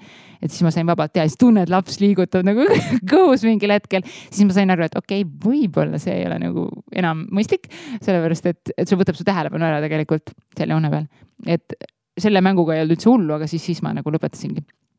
aga sa olid tõesti, sa olid väga tubli, sest ma mäletan, sa käisid minu juures veel trennis. jaa, siis, kui sul oli kõht ja siis ma mäletan, et tuleb, et tead, ma ei saa kõiki harjutusi kaasa teha, et, et ma olen, Jaa. ma ootan beebit ja ma nüüd vaata, kui ma tagantjärele, sest et siis ma ju ei teadnud Jaa, seda lugu jaa.. aga see, kuidas, milline sa olid, kuidas sa särasid, nagu see oli, sain noh, okei okay,, noored emad säravad, aga see oli midagi teistmoodi, onju. ja nüüd kõik nagu need emmed mõtlevad, et issand jumal, kuidas võimalik, et ta julges trenni minna ja nii edasi. ja sellega on ka tegelikult story selline, et ma tegin aastaid niimoodi umbes lama maas ja ma ei tea, söö mingit ananassi keskosa, mingi mida kõike nad ei ole kirjutanud internetis, guugeldage, te lähete hulluks nagu. ma tegin nagu kõik asjad enam-vähem ära ja siis, kui ma jäin rasedaks, siis mul oli niimoodi, et või, või siis ütleme nii, eelmised korrad ma juba lõin käega, vahet ei ole, mäng, neli päeva peale siirdamist, suva, lähen. ja, ja siis ma jäin rasedaks, siis ma tundsin juba kohe, ma tundsin kohe mingi kolmandal-neljandal päeval äh, peale siirdamist, tundsin, et ma jäin rasedaks ja käisin kogu aeg rääkimas ühesõnaga meile, olen küll, olen küll. Ja siis mingi test ei näidanud alguses, vaata, sest kui lihtsalt keegi ei teinud nii väga hästi. ja siis mingi mõne minuti pärast tuli mingi ülihäle, näed küll, näed küll, vaata. ja ikka mänge ja neid asju, et, et ma olin hästi, ma mäletan, ongi mingi kolm kuud enne ma veel jooksin ja kõik asjad. et see on selline asi, mida arstid ütlevad nagu ärge väga palju tehke, eks ole, aga Täpsustan, enesetunde küsimus täiesti. Kas arstid nagu si sinu situatsioonis naistele või üldse? üleüldse, et kes on nagu rasedad ja tegelikult, kui sa ikkagi IVF tsükli teed, siis nad ütlevad ära hüppa umbes ära, tee seda, seda, seda. ja siis sa ju hoiad eriti, see on ju sinu see kuldmedal on ju. et mille sa ükskord elus enam-vähem võib-olla ainult saad, et siis sa oled hästi ettevaatlik ja nii edasi, aga kuna ma viskasin selle mentaliteedi just uksest välja ja ma loen seda igalt poolt psühholoogia lase minna nagu, lase minna. elus tuleb see, mis peab tulema. et äh, just siis, kui ma seda tegin, siis nagu läks õnneks ja siis ma ei olnud nõus enam nagu muutma seda selles suhtes, et mängud, kõik asjad, jooksud, asjad, et äh, käisin lollakas kuus, kuus kuud rase, siis käisime Seychellidel, olime äh, nädal aega kodus Hawaii'le mul on veel pilt, kus ma olen selle äh, surfilaua peal istun niimoodi kõhuke ees vabalt, et, et ma ei tohtinud nagu püsti surfata, onju, siis ma istusin seal lihtsalt lainete peal, lasin, et, et ähm, ma ei propageeri siin onju, et ärge lolliks minge, aga samas nagu keha kuulad, siis sa võid täpselt, täpselt seda teha, mis keha nagu lubab. liikuma peab. ja sa absoluutselt pead. ja nagu, vahet ei ole või tähendab, sorry, mina ei ole, ma ei ole, ei, ma ei ole rasedate treeningu spetsialist Jah. aga ma tean nii palju, et rasedana sa võid teha trenni ja sa peadki tegema absoluutselt, sa pead lihtsalt mõistusega võtma, ongi, ma mäletan, et me tegime NTC-s neid mingeid jookse, ma läksin veel trenni, see oli see mingi testipäev ja siis ma jooksin ja siis mul tekkis seesama sihuke jalkas ikka meeste seas kogu aeg see challenge, mul peab meestega sama kiiresti jooksma, et jooksin, jooksin, jooksin. siis ma sain aru, ei, tegelikult ma olen rase äh,. mingi neli pool või viis kuud, äkki ma peaks nagu rahulikult et nagu siis mõistus ikka koputas ka. aga mis tunne see hetk oli, kui nüüd äh, pisik esimest korda kätel oli? ma mäletan, me hakkasime jutma, ütlesin, oo ta on nii ilus. sihuke klassika, aga äh, ütleme niimoodi, see on, see on ka huvitav teema tegelikult, et lapse saamine, see võtab nii kaua aega ja siis sa kujutad, et vaat siis ma olen õnnelik nagu, kui ma lapse saan, et see on mingil määral see alati see homne, homne, homne, eks ole, mis on alati ägedam veel. ja siis sa saad lapse ja see on tegelikult raske. Ja siis jälle, siis on need süümepiinad mingi, ma üritasin nii kaua ja nüüd see on nii raske. Ja see on nagu palju raskem, kui ma arvasin, sest meil on mega raske või lapsepõlvega laps nagu, lapsepõlvega, mida ma üldse ütlesin, mitte lapsepõlvega tal oli mega äh, raske nagu selline esimene aasta või esimesed paar aastat õudselt kiire arenguga on, onju, siis ta on hästi kiiresti jooksma hakanud ringi ja tal on vaja kõik ehitada, värgid, särgid lapsena. ma ei saanud teda maha panna magama, nagu teised panevad magama. ma, ma sain äärmisel juhul ta kärusse panna lamama ja lükata, ta küll röökis ja jäi magama, onju, aga ta vähemalt jäi ja nii kui ma jätsin käru lahti, et okei okay,, ma nüüd istun. Ja saad aru, lihtsalt ma vist istusin kiigtoolis nagu mingi kolm tundi päevas vähemalt, vähemalt ma ütlen, vähemalt. ja ma panin teda magama viis korda päevas. võib-olla ma tegin nagu väga paljusid asju valesti ja kindlasti tegingi. aga meil on nagu selles suhtes hästi keeruline olnud temaga seda, kõik need uned, asjad, siiamaani ma panen teda mingi poolteist tundi õhtuti magama. ja, ja see on nagu hästi suur challenge olnud ja, ja siis see ongi seesama supertunne, et nii äge aga sa pead nagu tajuma, et raskeid hetki on ka nagu, nagu juba eos ette ma oleks võinud ka võib-olla mõelda, aga, aga ei mõelnud see on kohe nii kerge, ma saan kõigega mingi hakkama. tead, kui ma kuulan sind ja kui ma mõtlen Pilleriinu peale, siis ma mõtlen, et kui sellised, kui, kui nagu emadus teeb inimesed selliseks, siis ma küll seda la- lapse saamist ei karda. millise? no positiivselt see, kuidas te räägite sellest, see, et see nagu, vaata on inimesed, kes ütlevad ja ikka raske on, ikka nagu ja siis nad on juba Aga sellised, et nagu raske on ja siis oled sina, et ja ongi raske. aga siis laps tuleb mul mingi, issand, ta lihtsalt tuleb ja hakkab seletama sulle mingeid lihtsalt kõige armsaid asju äh,.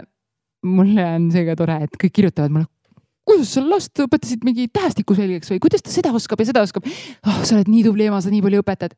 mingi õpetan, mida et, et see on ka selline lahe asi, et s- aga sa tunnedki nendest toredatest asjadest rõõmu, ta tuleb ja seletab. issi ütles, et äh, ma tohin umbes äh, siia issi noodi peale joonistada ja siis ma mõtlen, et äh, vaevalt, et see on mingi Mozarti noot umbes. ja siis lähen teisest, teise tuppa ja siis, Tomi ütleb, aa, ma ei pannud tähele, mida ta küsis, ma ütlesin jah. oo okei. Ja laps nagu oskab igalt poolt kavaalustega ja asjadega, et teeme nii, teeme nii, et mina panen asjad ära. Ja ta on hästi ka hästi nagu vana hing justkui nagu kui ta sündis, ta vaatas otsa mingi hmm, mida sina siin teed? Enam-vähem nagu, et, et ta on nagu alati hästi palju äh, nagu infot jaganud. Ja siis need ongi need ülipositiivsed, et, et sa nagu annad lapse kellelegi hoida ja siis sa lähed viieks minutiks ära, mõtled, tõstad käed üles, lükkad jalaga kusagile lahti, mingi aa, puhkus, lähed tööle näiteks. sa lähed selle attitude'iga, päriselt sa lähed, päriselt selle attitude'iga tööle nagu puhkus, lahti. Siis mingi, ma igatsen oma last. Ja siis, siis ongi niimoodi terve päev teed tööd mingi, kus mu laps on. ja siis lähed tagasi, issand jumal, kuidas on võimalik, et ta teeb nii kolme minutiga terve toa täiesti sassi, mingi. Joonistab sulle küünte peale lihtsalt, emme ma värvin su küüsi. Ja siis sa oled parasjagu just kellelegi sõnumit saatmas ja märkad mingi lilla markeriga, okei okay. ei, vaata need kaosed, asjad on nii elu osa, see on nii äge.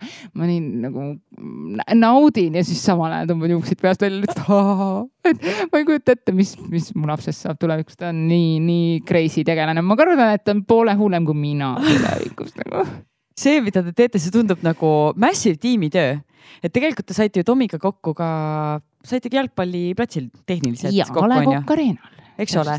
ja nüüd te teete Eesti Laulu koos. Kas, no mingis mõttes ju. ja, ja, On ju? absoluutselt. Ma olen kool- sealt välja puksida muidugi, ei muidugi teeme koos. kuidas see koos töötamine to- toimib? kusjuures me järje, nüüd oleme nagu vähem isegi nüüd, kui ma Promotisse läksin tööle, ennem me oleme kõik meil on ettevõte koos ka igasuguseid projekte, asju teinud temaga koos, koos, koos, koos, et me oleme nagu ülihea tiim selles suhtes.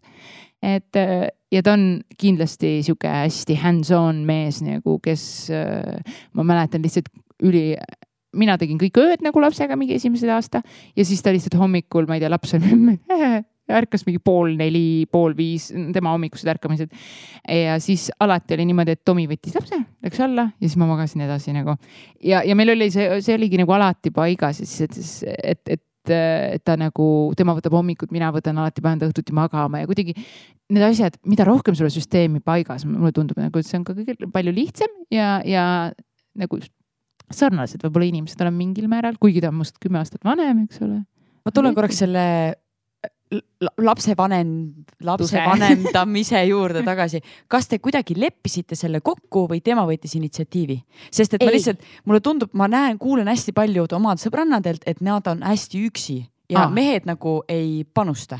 ma olen hästi kaksi ei äh, vaata jälle, see on see minu mingi hea poisi äh, see tüüp, mis mul on nagu mehe tüüp on, vot, vot, vot, vaata me rääkisime, see Brian või kes see oli backstage'is. et äh, Tomi ongi selline, kes on tohutult, issand, ta hoiab nagu, ta ütleb mul kõigist jumala savi, sina, sina, sina, no mitte päris nii Sandra. ei tunnegi sina, sina, sina. ei, aga ta nagu hoiab enda lähedasi niimoodi tohutult, et, et siis ta minu arvates ta teinekord nagu panebki teiste õnne natuke, just lähedaste õnne natukene nagu äh, ettepoole enda omast teinekord. ja, ja et ma, mul ma ei ole pidanud teda mitte kunagi paluma, vastupidi nagu äh, pigem mingil hetkel tagasi hoidma. selles suhtes, et äh, jah, kiitus, ma loodan, et ta viitsib nii kaua kuulata, ta vaatab, et ma räägin nii parem palju. oleks. Äh, ma igaks juhuks mainin, et me võime, võiksime liikuda tegelikult äh, natukene maailmateemade juurde Jaa. edasi, sellepärast et äh, Sandra mainis seda, et te olete teinud ühe väga ägeda väljakutse oma perega, mis puudutab toidukulude Oleme. kokkuhoidmist, mis on kaugelt võttes siis nii-öelda keskkonna hoidmine, täpselt samamoodi. kust teil sihuke mõte tuli, kuidas teil see läks? Vaata, siis kui on liiga vähe Jaa. teha, siis kui on liiga vähe teha, vaata täpselt seda, mida me rääkisime alguses, et äh, kui midagi ei ole teha, siis ma mõtlen kohe midagi uut välja. ja ma hakkasin kohe, kui sa ütlesid challenge, ma mõtlesin, issand, kui palju challenge eid mul kogu aeg teen. millisest me rääkima hakkame? mingi eelmine suvi käisime mingi oh,, siis oli see challenge, aga see tuli sellest, abikaasa oli Ameerikas aastavahetusel siis mul oli järelikult igav ja siis ma mõtlesin, et no kõik räägivad, et kus nad hakkavad nüüd trenni tegema, onju, jõusaalid, asjad, esimene nädal täis. siis mõtlesin, et okei okay,, et äh, lõin nagu natuke toidukulusid kokku. ja siis mõtlesin, oo, et äh, siin on nagu väga-väga nagu ma olen rikas ei no mitte päris, aga ikkagi no arvestatav summa onju ja ja siis äh, või õigemini vastupidi, ma olen vaene nüüd et äh, ja siis ma vaatasin, et tegelikult aga mul on nii palju toiduaineid ja, ja miks tegelikult äh, nagu ütleme nii, koer ei vaja, koeral on oma toit, on ju, mida me koerale ostame ja ta ei vaja seda lihakäntsakat näiteks, mis meist üle jääb ja nii edasi, et, et ma saaks ju teoorias selle nagu homme ära süüa. pluss suur asi on see, et äh, Tomi hakkas päevatööd tegema nüüd siis juba poolteist aastat tagasi, oli vist jah. ja mina läksin nüüd äh, sügisel, eks ole, ja siis on ju ikkagi, sa pead lõunat sööma ja, ja sealt ongi need, ma vaatasin, Tomi vaatas ka alguses mingi karpidega inimesed, mis toimub nagu miks nad karpidega käivad? Ja siis ahaa, mul on lõunal kõht tühi, nüüd saan aru. Taibukas teine. Aga äh, tervitustega temale jälle. Äh,. aga äh, siis äh, ühesõnaga need kulutused läksidki nagu suureks ja, ja siis mõtlesingi, et tegelikult ma võiks ka proovida seda meal prep stuff nagu kõik see on nagu vau wow,, aga ma siiamaani seda ei tee mingi tasemel või ei oska nagu seda nädala nädala asja teha ette, mis inimesed teevad. ma isegi ei ole proovinud, aga nagu seda, et kui ma teen näiteks, ma ei tea, näiteks ütlen, mis on mingi suvalise asja, no näiteks pastat õhtuks äh, nelja juustupasta, siis ma tõstan sealt mingi keedan pasta ära, tõstan mingi asja kõrvale ja siis äh, praen ka lõhe nagu järgmiseks päevaks on ju, võtan karbi kaasa ja nii edasi. ja siis me tegime selle challenge'i äh, põhimõtteliselt kuu aega. ja siis sa vaatasid, vau, et, et tõesti, kuidas nagu võimalik nii vähe osta ja nagu nii mõistlik olla, et äh, viskasime tõesti minimaalselt toitu ära. ja see nagu ka rahaliselt väga mõistlik, ütleks niimoodi, et kes ei ole proovinud, proovige et muidugi see ei tähenda, et te peate kõige kehvemat ja odavamat kaupa ostma, aga lihtsalt nagu targasti planeerima, et sul ei ole seda ühte karpi mingeid asju kõiki vaja ära süüa ja sa saadki balansseerida neid toidukoguseid, mida sa sisse sööd, need püramiidid ja need asjad, vaat sa saad selle järgi ka tegutseda, et et jah, Tomi tuli USA-st tagasi ja oli nii, okei okay,, ma olen siis sellest challenge'ist kui sa käisid aga kas see jäi külge ka või oligi see sihuke ühekordne asi? jah, jäi, jäi küll külge selles suhtes, et äh, meil nüüd see nädal on raske selles suhtes Eesti, Eesti Laulu nädal on see nädal, aga muidu, muidu on nagu väga, väga tipp-topp ses suhtes, et äh, jälle kulutused on madalad ja toit on kaasas alati, noh, see on väga-väga äh, mõistlik, soovitan. olgu, toidu säästmine on üks osa, kas te teete veel midagi? et jätkusuutlikumalt elada? Et oleks pisikesel pärast planeedikest, kus no jalgpalli mängida. jah, kus jalgpalli mängida muru peal, mitte asfaldi. või muusikat teha või balletti teha või see, mida ta kõike, vaesakene. aa, tema laulis ka Eesti Laulu sinna back'i, üks väike armas siuke. Of course, muidugi laulis. ta tahtis, ta küsis, et tahan ka Eesti Laul karjuda, siis sealt on nagu põhjad natuke kuulda. igatahes me jõudsime äh, ja äh, tegelikult on niimoodi, et kuna me elame maal ja metsa sees, siis äh, ma üritan ikkagi kõigi selle, ma ei tea, miljoni asja kõrvalt kasvatada ise porgandit, tilli ja nii edasi, et äh, kasvatada omale puhas äh, tooraine.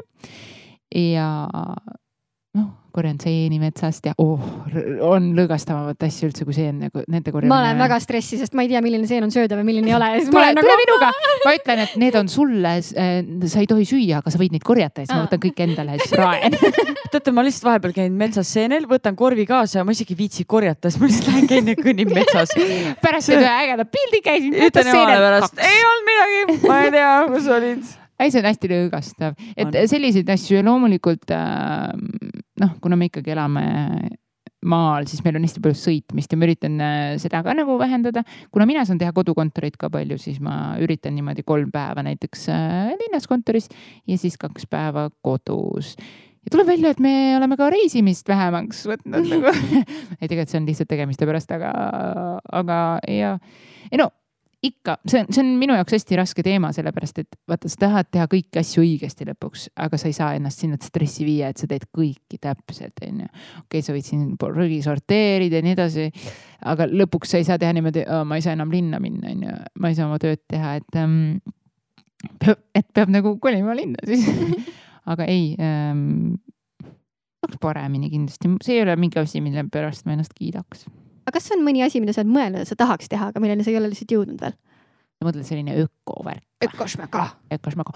ma tahaks äh, rohkem veganlust proovida, nagu ma mõtlen nagu siis äh, toidukordadega, et ma olen täitsa kindel, et ma muidugi ei saavuta kohe mingit äh, tipptaset, et ma kõik toidukorrad võiks äh, niimoodi toituda, aga ma, mind huvitaks see teema, aga mulle tundub, vot see tundub mulle keeruline, tegelikult ei ole. ei ole või? Ma võin soovitada paari väga head Youtube'i kanalit Okei. nii head toidud, nii Okei. kiiresti tehtavad ja täpselt niimoodi, et on ilusasti välja arvutatud, kõik valgud, süskarid, kõik asjad on Mm. ilusasti olemas.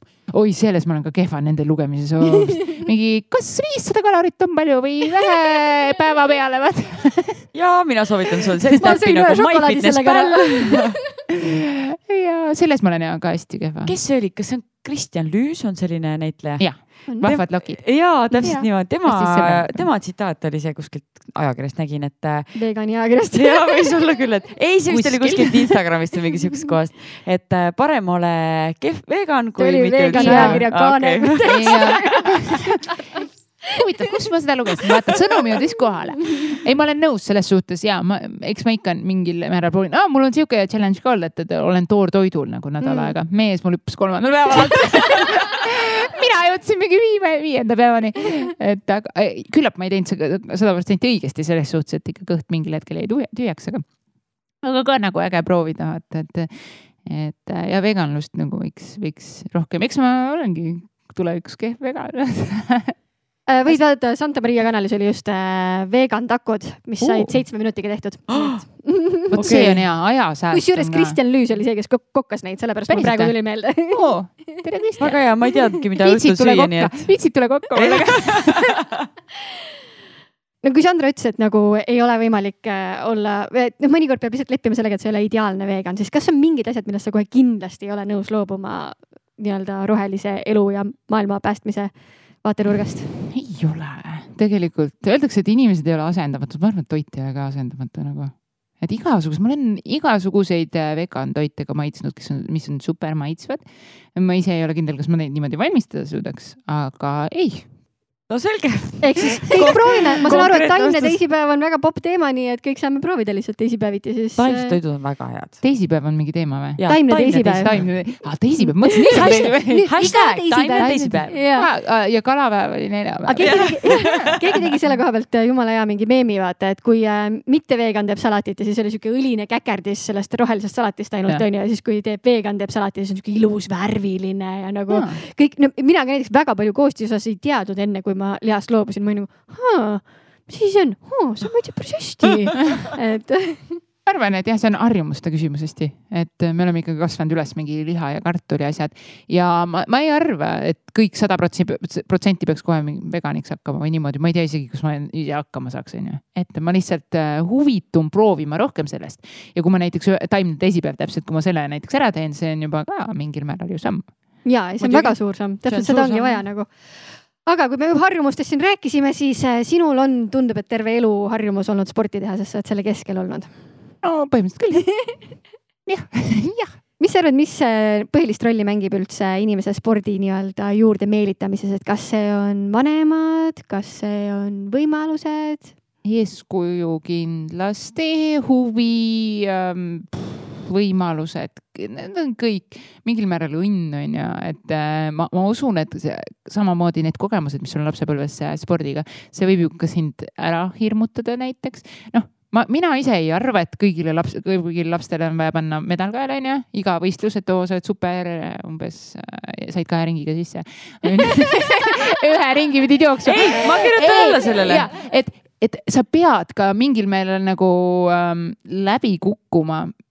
Kõlas eriti ka nüüd vaene laps, vaesed lapsed, andke andeks. aga, aga jaa, sa pead mingil määral olema ka teinekord kehvem kui keegi.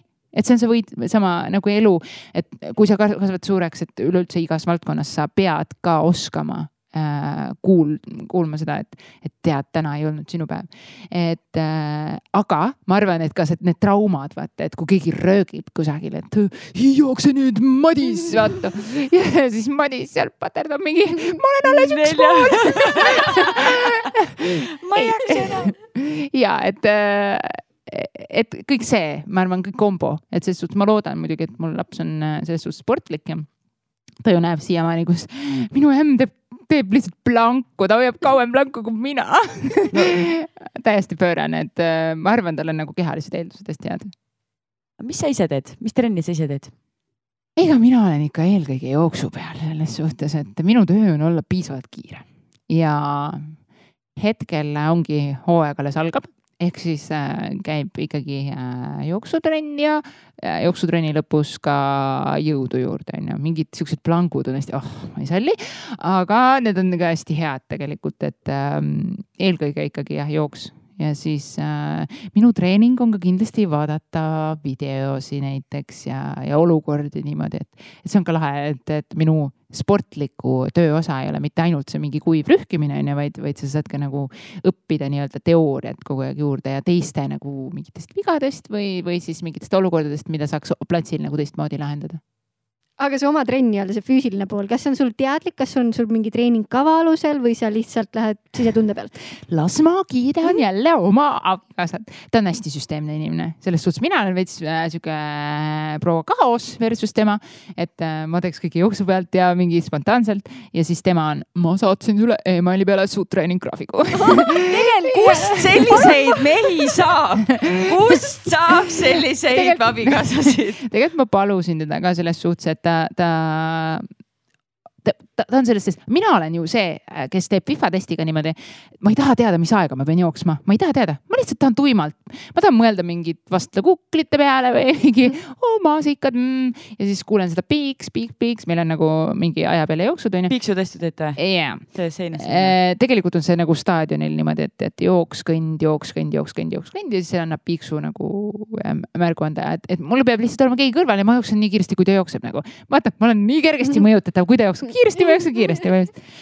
ei, aga, aga jah, et äh, mina muidu teen äh, ikkagi äh, mingite plaanide järgi ja, ja selles suhtes mulle nagu istub see, aga ma ei taha ise neid asju koostada selles suhtes, sest see on nagu mingi mingi ka kaos lihtsalt ma kujutan ette, kui ma paneks oma mingi trenne lihtsalt aa oh jaa, ups jäi mingi nädal eemale Pole siin midagi. pean tegema või, mis asja? Oota, aga ma tahaks üldse teada, milline see treeningkava välja näeb, näiteks mis sul see nädal on? Äh, see nädal mul ei ole mitte midagi oh,. täna. see nädal sa jooksed, ajad Stefanit taga? ja täpselt, me saame mingi kakskümmend viis tuhat sammu täis ja nendel päevadel nagu ühe päevaga peale vähemalt kakskümmend viis tuhat sammu. et äh, ja see on hästi kiire nädal, siis me oleme nagu lihtsalt vabad, aga, aga aa, treeningu juures veel, mis ma mõtlesin, et see on ka ehe näide sellest, kuidas mina nagu olen kooli ajal teinud, ma tegin kergejõustikuga mingi hetk, kõrgushüppes olin maru hea balleti nagu taustaga onju. mis veel, käsipall. astusin üle lati vaata ja, ja, ja siis minu, mind motiveeris alati see, kui ma jooksin nagu kehvade jooksjatega või, või siis ma panin, tegin rekordeid, kui ma panin, oo klassi parim Anni, jookse selle teise parimaga nagu. siis ma mingi, ma olen lihtsalt nii aeglane, mingi üritasin seal enne finišijoont kuidagi talle järele jõuda, et et see on nagu, mul tuli jah see meelde, kuidas mina töötan, vaata sportlikus mõttes, et, et ma kuidagi, ma ei tea, mind ei motiveeri see nagu võid, võistlusmoment nii palju võib-olla just, et täiega panema, kui, kui ma olen nagu võrdne kellegiga, ma ei tea, ma ei tea, kummaline. ma hakkasin praegu mõtlema tulin hmm. aga ma ei saanud ikkagi teada, kuidas sa trenni teed, et mis su treeningkava ah, on? Sorry, näe, kaos äh,. ei äh,, ühesõnaga Need on noh, need võivad olla näiteks niimoodi, et sa jooksed äh, teatud aja teatud pulsisagedusega ja siis sa võtad ähm, näiteks ütleme niimoodi kaksteist minutit teatud pulsiga ja, ja, ja mõõdad vahemaa ära, onju.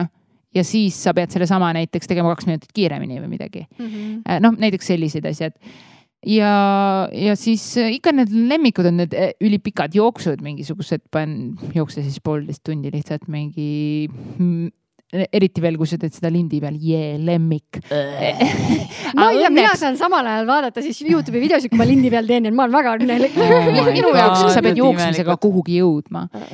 et, et see on ja siis äh, muidugi siuksed äh, kiirendusharjutused ja kõik sellised asjad, et äh, kuna meil on ikka üks osa on see, et sprindikiirus peab olema teatud tasemel, onju. et äh,, et sellised asjad, aga kui te tahate täpsemat infot kohta, kirjutage tohib. aga tegelikult palju sul treeningmaht enam-vähem on, mitu tundi tuleb nädalas? E, tegelikult, no vaata, ma just ütlesin sinna Sportlandiga, me filmisime ühte mm, klippi ja siis ma ütlesin sinna kolm-neli korda nädalas, olenevalt palju mul mänge on. et ma teen trenni, et see on siis hooaja sees mida ma mõtlesin, nüüd ma täpsustan seda siin onju. et see on siis, kuna ma teen suhteliselt palju mänge, ehk siis äh, tihti ka kaks mängu nädalas noh, see annab siis mulle, et kui ma teen kolm korda, siis tuleb pluss kaks mängu, on ju. et siis see annab mulle viis päeva pluss noh, kümme minutit jooksu taastuseks ei ole nagu trenn, selles suhtes seda ei arvesta. mingi pe- mängujärgsel päeval, aga, aga jaa, ei, selles suhtes ma hästi palju praegu kindlasti kevadel hakkangi sellega just vaeva nägema, et need treeningud, et neid tuleks kindlasti neli korda nädalas. sel põhjusel, et äh, see töö hakkabki nagu võtma hästi palju ikkagi seda, seda aega, mis mul oli nagu endale hästi palju ära. kus ma sain trenne teha, et ma plaanin ikkagi niimoodi, et ma hommikuti alustan ikka treeninguga, sest hommik on treeninguaeg, õhtul Oh, kohe kindlasti jumal mitte. jumal hoia, kes käib õhtuti treening, trenni tegemas? kell, õhtul kell kümme on kõige parem trenniaeg üldse Oh ma ei tea, millest oleneb, mis trenni sa teed. mul oli, mul oli seitsekümmend minutit ratastada teha, siis ma olin nagu, oota, mul on vaja enne kahteteist ära teha, mis kell me alustame, okei, kakskümmend üks, kell. jõhker. ei, mina olen nagu hommikuinimene, et ses suhtes ma ütlengi, kuna mul see nädal on praegu ilma treeninguta, siis ma pean järgmine nädal, ma pole veel oma Word dokumenti vaadanud, mis treeningud mul järgmisel nädalal on. et äh, ma muidugi tunnetan tohutult seda meeleolu äh, muutust, kui ma ei tee trenni ja teen trenni, et see on nagu noh, kui sa vähegi ennast nagu tunned kehvasti, siis jooksu, pane jooksu uksest välja.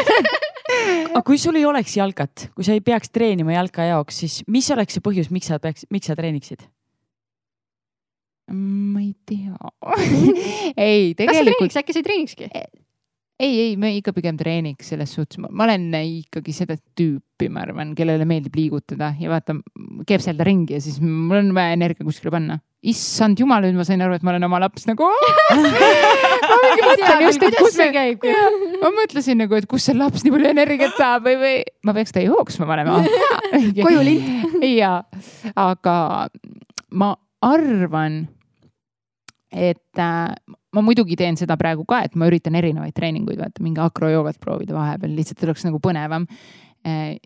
jõhkralt mingid lihased, suvalised lihased tekivad kuskil, ma ei tea, kuskil peidust, järgmine päev valusad, et ma äh,. lihtsalt igaks juhuks ütlen, et nad on sul olemas, nad ei teki kuskil. sa lihtsalt leiad nad üles. Disclaimer'ina. jah, et, et selliseid asju nagu meeldib vahele teha ja ma arvan, et ma võib-olla isegi varieeriks neid treeninguid rohkem ja issand, kui me elaks äh, mägedes kusagil, siis ma kindlasti sõidaks lumelauda spordina kogu aeg ja aga ei. aga ma naudin hästi palju äh, üleüldse liikumist. kui ma elasin Tallinna kesklinnas, siis ma ikka TTÜ-sse kõndisin loengutesse ja niimoodi mul nii mea emel mingi, mitu tundi varem ma peaks hakkama kõndima, vaata tegi, et äh, võib-olla jaa, ma ei tea, kas kõndimine on treening või? On, jah, arvestab või? okei okay., siis ma kõnniks hästi paljudesse kohtadesse nagu oo, mis tuletab mulle meelde, ma peaks challenge'i tegema, et ma kõnnin koju maale nelikümmend kilti. ma arvan, et see on okei okay.. Natukene aega, aga tehtav. äkki teeks suvel? või ja- ei, mõistlik aga. see lumega, see on, mis ära ei ole. jah, libe ja siis veel mingi paar, paar luumurdu ja asja. ühesõnaga mõtlesin suveks uue challenge. ma võin tulla Okei. sulle rattaga kõrvale lihtsalt. ja kusjuures äh, meil sõidavad päris paljud rattad sealt äh, Tuhala kandist sõidavad läbi, Tuhala lähedal elan ja siis jalgratturid teevad seal treeninguid. kui ma ei eksi, siis äh, Tanel Padar sõitis ka meil just mingi eelmine aasta vist sõitis sealt lähedalt mööda, siis ma ütlesin, kuule keera sisse. aa, ta ongi tulnud tegelikult enda kodust Tallinnast on sõitnud äh, meile maale. no vot noh noh, mul tuli see on ju hea trenn iseenesest, kilometraažist enam-vähem. absoluutselt. mul on üks viimane küsimus siia segmenti. Go for it. kui sa peaksid olema üks Eesti sportlane, siis kes sa oleksid?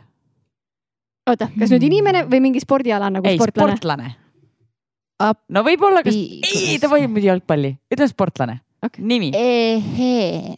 mm,. Kas ma võin täiesti hullu panna? absoluutselt. ma arvan, et ma tahaks olla siis Anett Kõndvait. miks? ma ei tea, ma tennist mängin ülihästi. et kui ma saaks nagu tema võimet endale, et siis ma, ma, mulle tundub nagu, et, et see, see tase, millel ta midagi teeb, ma tahaks nagu ma tahaks äh, saada kaasa kõik tema mõtteviisid ja asjad. Niimoodi, et ma saaks kõrvalt analüüsida, et ta on sihuke, ta teeb niimoodi, ta valmistub niimoodi ja kõik see, see tundub hästi põnev, ta tundub hästi tore, aga ma olen teda kohanud ühe korra mingil üritusel. Ja, ja see tundub kuidagi lahe ala, selline, et sa nagu rühid ja rühid, lased minna seal, noh ei jah, ma arvan, ja see võist- või võitlus äh, ja võistlus just, et ma arvan, et mina ei ole see, kes või just see üks-ühele võitluses näiteks mingi tennise, kuidas sa ütled tennis, matšid või? matš jah. jah, vaat need. no vot, juba tennist, tead. ja ma vaatan tegelikult tennist päris palju ja äh, jälle, jälle tervitus abikaasale, vaata, me oleme kokku kasvanud nii vist juhtub. ja vist juhtub ja et, et ma tahaks sedasama, seda rasket, mentaalselt rasket momenti, sest teoorias vaata, mul ei ole nagu kohtunikuna kedagi nagu vastas või kõrval või sedasama keskkooli äh, jooksu, et, et ma pean kellegagi nagu kõrvuti jooksma üle, üle selle mm, finišijoone ja vaatama, kas mina võidan või keegi teine või suusatajad, vaata, kus panevad. Viimasel hetkel, ma mõtlen, issand jumal mis ma seal teeks, et ma tahaks just seda mentaliteeti võib-olla kõige rohkem näha, et äh, mis selles võit, võitluse hetkes just peas käib. väga lahe tüdrukud, ma pean jälle olema see paha tegelane, kes hakkab tasapisi otsi kokku tõmbama, sest meil on kaks segmenti veel ja me oleme siin olnud juba päris. issand, palun vabandust, ma räägin nii palju. ei, see on väga põnev põnev, olnud. meil on veel terve hunnik küsimusi tegelikult, mis jäi vahelt ma küsimata., ma võin hästi äh, lühidalt ka vastata. Ma oskan võib-olla seda ka, aga siis te võtate niimoodi kaela pealt tõmbama seda. aitab, aitab. nüüd kõik. ehk siis äh, järgmine segment on meil fänniküsimuste nurgakene. Sandra Mhm. otsib äh, küsimused välja ja kaks-kolm küsimust küsime siis, äh, mida teised küsisid. ja, nii. küsib Triinu, mis on Eesti Laulu korraldamises kõige raskem, kõige üllatavam, kõige põnevam? võtame kõige raskem. Äh, mis on kõige raskem? tead, Triinu oli ta või? tead Triinu? kõige raskem, ma arvan, tegelikult see on füüsiliselt tohutult väsitav, et see on üliäge, mida teha, aga ikkagi õhtu lõpuks on sul põhimõtteliselt seljavalud, kui sa korraldad just seda, ma mõtlen äh, live show eel. muidu ei olegi nagu, aga see on, see on ka see, et sul läheb, sul on nagu täielik, lõpus on nagu see lõpuspurt, et sa lihtsalt paned täiega ja sa paned selle maksimumi ja siis ma kujutan ette pühapäeval, kui me istume lihtsalt mehega vaatame üksteisele otsa, et mis nüüd et äh, sa oled nagu nii tühi lihtsalt. ma mäletan nagu eelmine aasta oli ka niimoodi, et me läksime after party'le vist ja siis siis oli kaks varianti, kas sa murdad või sa paned täiega pidu ja siis oled lihtsalt magad terve järgmise päeva läbi.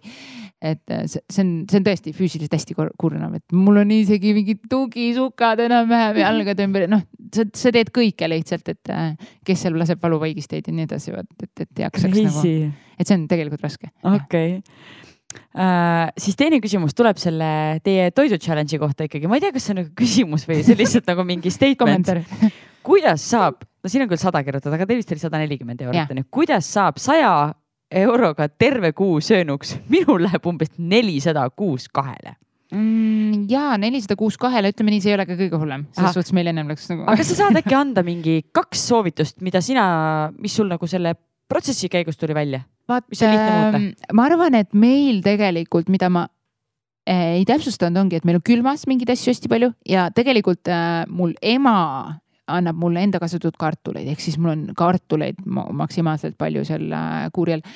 ja lisaks äh, isa toob mulle alati Saaremaalt kala ehk tegelikult jääme ausaks, sul peavad olema lihtsalt head sugulased kui, olgem ausad, kartul ei maksa ka midagi, ma arvan, et see Jah. see, sa ei saa neljasaja euro eest Okei. kuus kuu kartulit osta. selles suhtes, ega ma ei söö palju kartulit ka, et äh, see ei ole mingi super näide, aga aga ja mul mingid asjad ikkagi on külmas, külmutatud ja nii edasi ja kindlasti ongi see, et äh, vaata, planeeri, planeeri, planeeri, see on üliraske kindlasti, aga, aga see aitab nagu tu- tugevalt. ma arvan, et nelisada on isegi suhteliselt nagu hästi, sest meil oli see ikka nagu väga kõrge, äh, see kulutamine ja võib-olla siis oligi nagu hea drastiline muudatus teha et, et nagu mõistlikumalt planeerida, aga jah. Ja, ja ongi, sul on näiteks, ma ei tea, kolmeliikmeline pere, sul on näiteks, võtad, ostad ühe karbi, ma ei tea, liha vegani jutu jätkuks. ja siis sa ei pea neid kõiki ära praadima reaalselt, sa ei pea tegelikult, igaüks saab ühe viilu, mis me elame siin mingi heaeluühiskonnas või et kõik, kõigile nii palju ette, kui ära ei jõua süüa, onju. et siis, siis ongi, sa lihtsalt nagu tihti sa teed liiga palju süüa, see on fact, onju.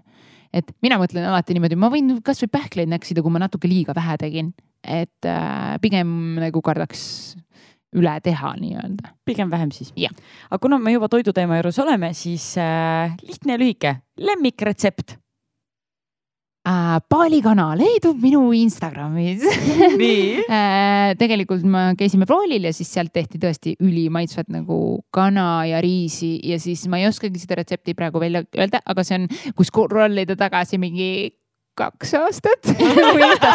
Ma ei postitanud nii palju varem, et äh, siis, siis nagu leiab selle retsepti üles, aga see on, see on minu üks lemmik. Või siis üks, üks äh, krevetisalat nagu, mis on ka ise niimoodi magusate mingi apelsini ja granaattõunaga nagu tehtud, et mu mees alati arvas, et magusat ja soolast ei saa kokku panna. Oh ja siis ma tegin seda küüslauguga ja mee ja oliiviõli kastmega ja siis see on nagu super mõnus. Okei okay,, teeme selle viimase jupi kiiresti ära, sest kõht on tõepoolest tühi, nii et ähm, meie kõige viimane segment on sihuke väike soovituste nurgakene.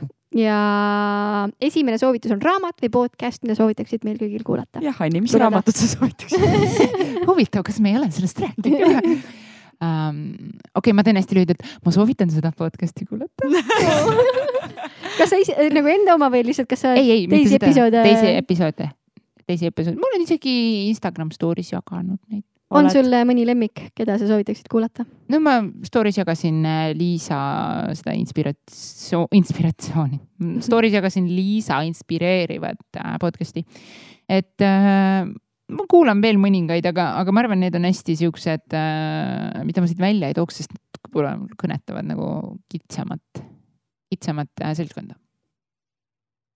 Nüüd oled mingi, Anni, miks sa nii vähe räägid? Mida sa varjad? Me olen valmis. okei see tuli jah kuidagi järsku. no selge, eh, sinu moto või tsitaat, mis sind inspireerib? mind on alati õpetatud. See ongi see, ma arvan, mis mind on kujundanud selliseks nagu, kes ma olen, on see, et mu ema on alati, esiteks ta tegi seda, kui me olime väiksemad, ronisime mingisuguse kuuri otsa ja siis ütlesime emme alla, siis ta ütles uh, sa said sinna üles. ei, ta ei teinud seda attitude aga ta tegi, ahah, et sa said üles, nüüd sa saad ka alla, sa oled väga umbes noh tubli või, või, või hakkaja, et muidugi sa saad, sa saad alati hakkama. ükskõik, mis sa ette ka ei võtaks, sellega sa saad hakkama. et minus on seda mentaliteeti igal juhul ja võib-olla sellepärast ma tegelengi nii paljude asjadega, ma saan hakkama nagunii, vaata, ma ei, ma nagu ei karda liiga palju seda läbikukkumist või midagi. et kõik, kõik on nagunii lõpuks hästi. seesama, see on, see on see mantra, mida mul on te, terve lapsepõlve räägitud, et tegelikult on nagu kõik hästi, sa oled terve, on ju sa noh, oled võimeline igasuguseid asju tegema, see on, see on üliäge, et äh, ja tegelikult elu on jumala ilus, ma kõigile kogu aeg räägin ja inimesed on nii toredad, kui sa vähegi äh, siin ruumis peale minu kolm inimest, ma võin kihla vedada, et need üliägedad inimesed nagu iga nurga alt, mida sa, kui sa vähegi nagu otsid, sest ma isegi mul on kolleeg ka näiteks hästi introvertne ja siis sa võib-olla ei mõtle selle peale kohe, et see on võib-olla nii äge inimene, aga siis, kui sa sügavale lähed, siis wow, et ekstravertidest sa saad võib-olla teinekord kiiremini aru ja nii edasi.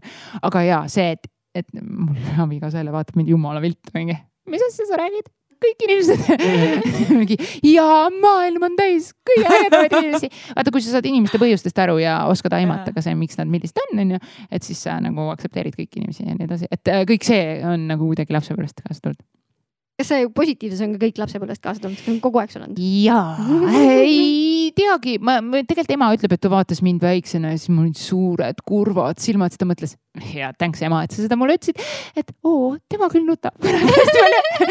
Aga selles suhtes ta oli hästi õigus. tegelikult ma olen ka see, kes vaatab lihtsalt filmi, ma ei lähe, ma vaatan ainult romantilisi komöödiaid ja siis ma ka nutan, hästi jõhkralt. Eh, mees ei vaata mu poolegi mingi et, et ta mõtleb, see on fine, et, et ma tegelikult pisardan ka palju ja ma elan nagu hästi palju kaasa inimestele, et ma võtan kohe selle, et sinu emotsiooni endale. Ehk miks ma olen võib-olla positiivne, ongi see, sest nii kui ma olen positiivne ja sina oled positiivne, siis ma olen veel nii palju positiivsem. viimane küsimus, viimane küsimus, viimane soovitus, mis on üks imelik või positiivne harjumus, mida sa soovitaksid meile kõigile? Positiivne. Ma, ma ei kuulnud rohkem. Oh, issand, mul on üks üliimelik harjumus. nii, see on see, et kui sa Instagrami scroll'id, vaata ja sul on, tuleb see advertisement sinna vahele, piltide vahele, feed'i tulevad reklaamid, siis ma panen alati hide ad juba mingi mitu aastat lihtsalt ja need ei kao ära ei kao ära ei kao. no nad lähevad nagu eest ära, aga sul tuleb järgmine uus reklaam ja uus reklaam ja uus. et äh, Instagram ei peida neid ära, ma mõtlesin, et äkki ma sain jagu sellest algoritmist see on see, aga vaata positiivne, ma ei lõpeta isegi, ma ikka usun ja iga kord, kui sa paned selle ära, sa saad nagu head enesetunde, et nüüd see on läinud. Ja sa ei mõtle selle peale. ma sain sellega hakkama, lükkas see eest ära. ei. Äh,, jah, see on sihuke kummaline harjumus. Ja, ja kindlasti üks, mis on üldse inimestevahelistes suhetes nagu hea on on see, et äh, kohe alati, kui sul on mingi konfliktilaadne asi, ma olen hästi konfliktivaba inimene üldjuhul, aga kohe nagu ma tahan lahendada ära mingi, noh, räägime, et miks sa oled kurb või miks sa tundud tõsine või kas ma saan kuidagi midagi teha, aidata ja nii edasi. et see on ka näiteks paaris suhetes on nagu hästi kasulik, et äh, räägid, räägid, räägid, räägid ja siis sa loed seda raamatutest onju, nii peab käituma ja siis äh, olengi nagu mingi sloganite raamatupäev õppinud mul on see bumper sticker nagu USA-s vaata auto taga. Õppisin selle pähe, nii tuleb elada. Ja lihtne, lihtne inimene. ei, kui see töötab, siis miks mitte? jah. okei okay,, see, see podcast oli nüüd nagu, see oli nagu tööpäev. Ei no päriselt, ei, see oli, siin oli nii palju ägedat infot, et ma nagu ma nii väga loodan, et hästi paljud inimesed võtavad selle ja kuulavad seda, sest et see oli. kõik, kõige hullem on see, vaata, kui palju me rääkisime ja nüüd ma lähen sinna Saku Suureli tagasi, võtan selle näiteks Uku lavalt maha ja siis ma hakkan talle rääkima, rääkima, hmm.. ütle Ukule, et ta kuulaks podcast'i. jaa oh,, tervitame ju Ukut väga äge, ta täna valis kahe erineva lavakostüümi vahel ja siis ta võttis selle, mis mulle rohkem meeldis. tubli Uku väga tähtis info kuulajad, kuulajad.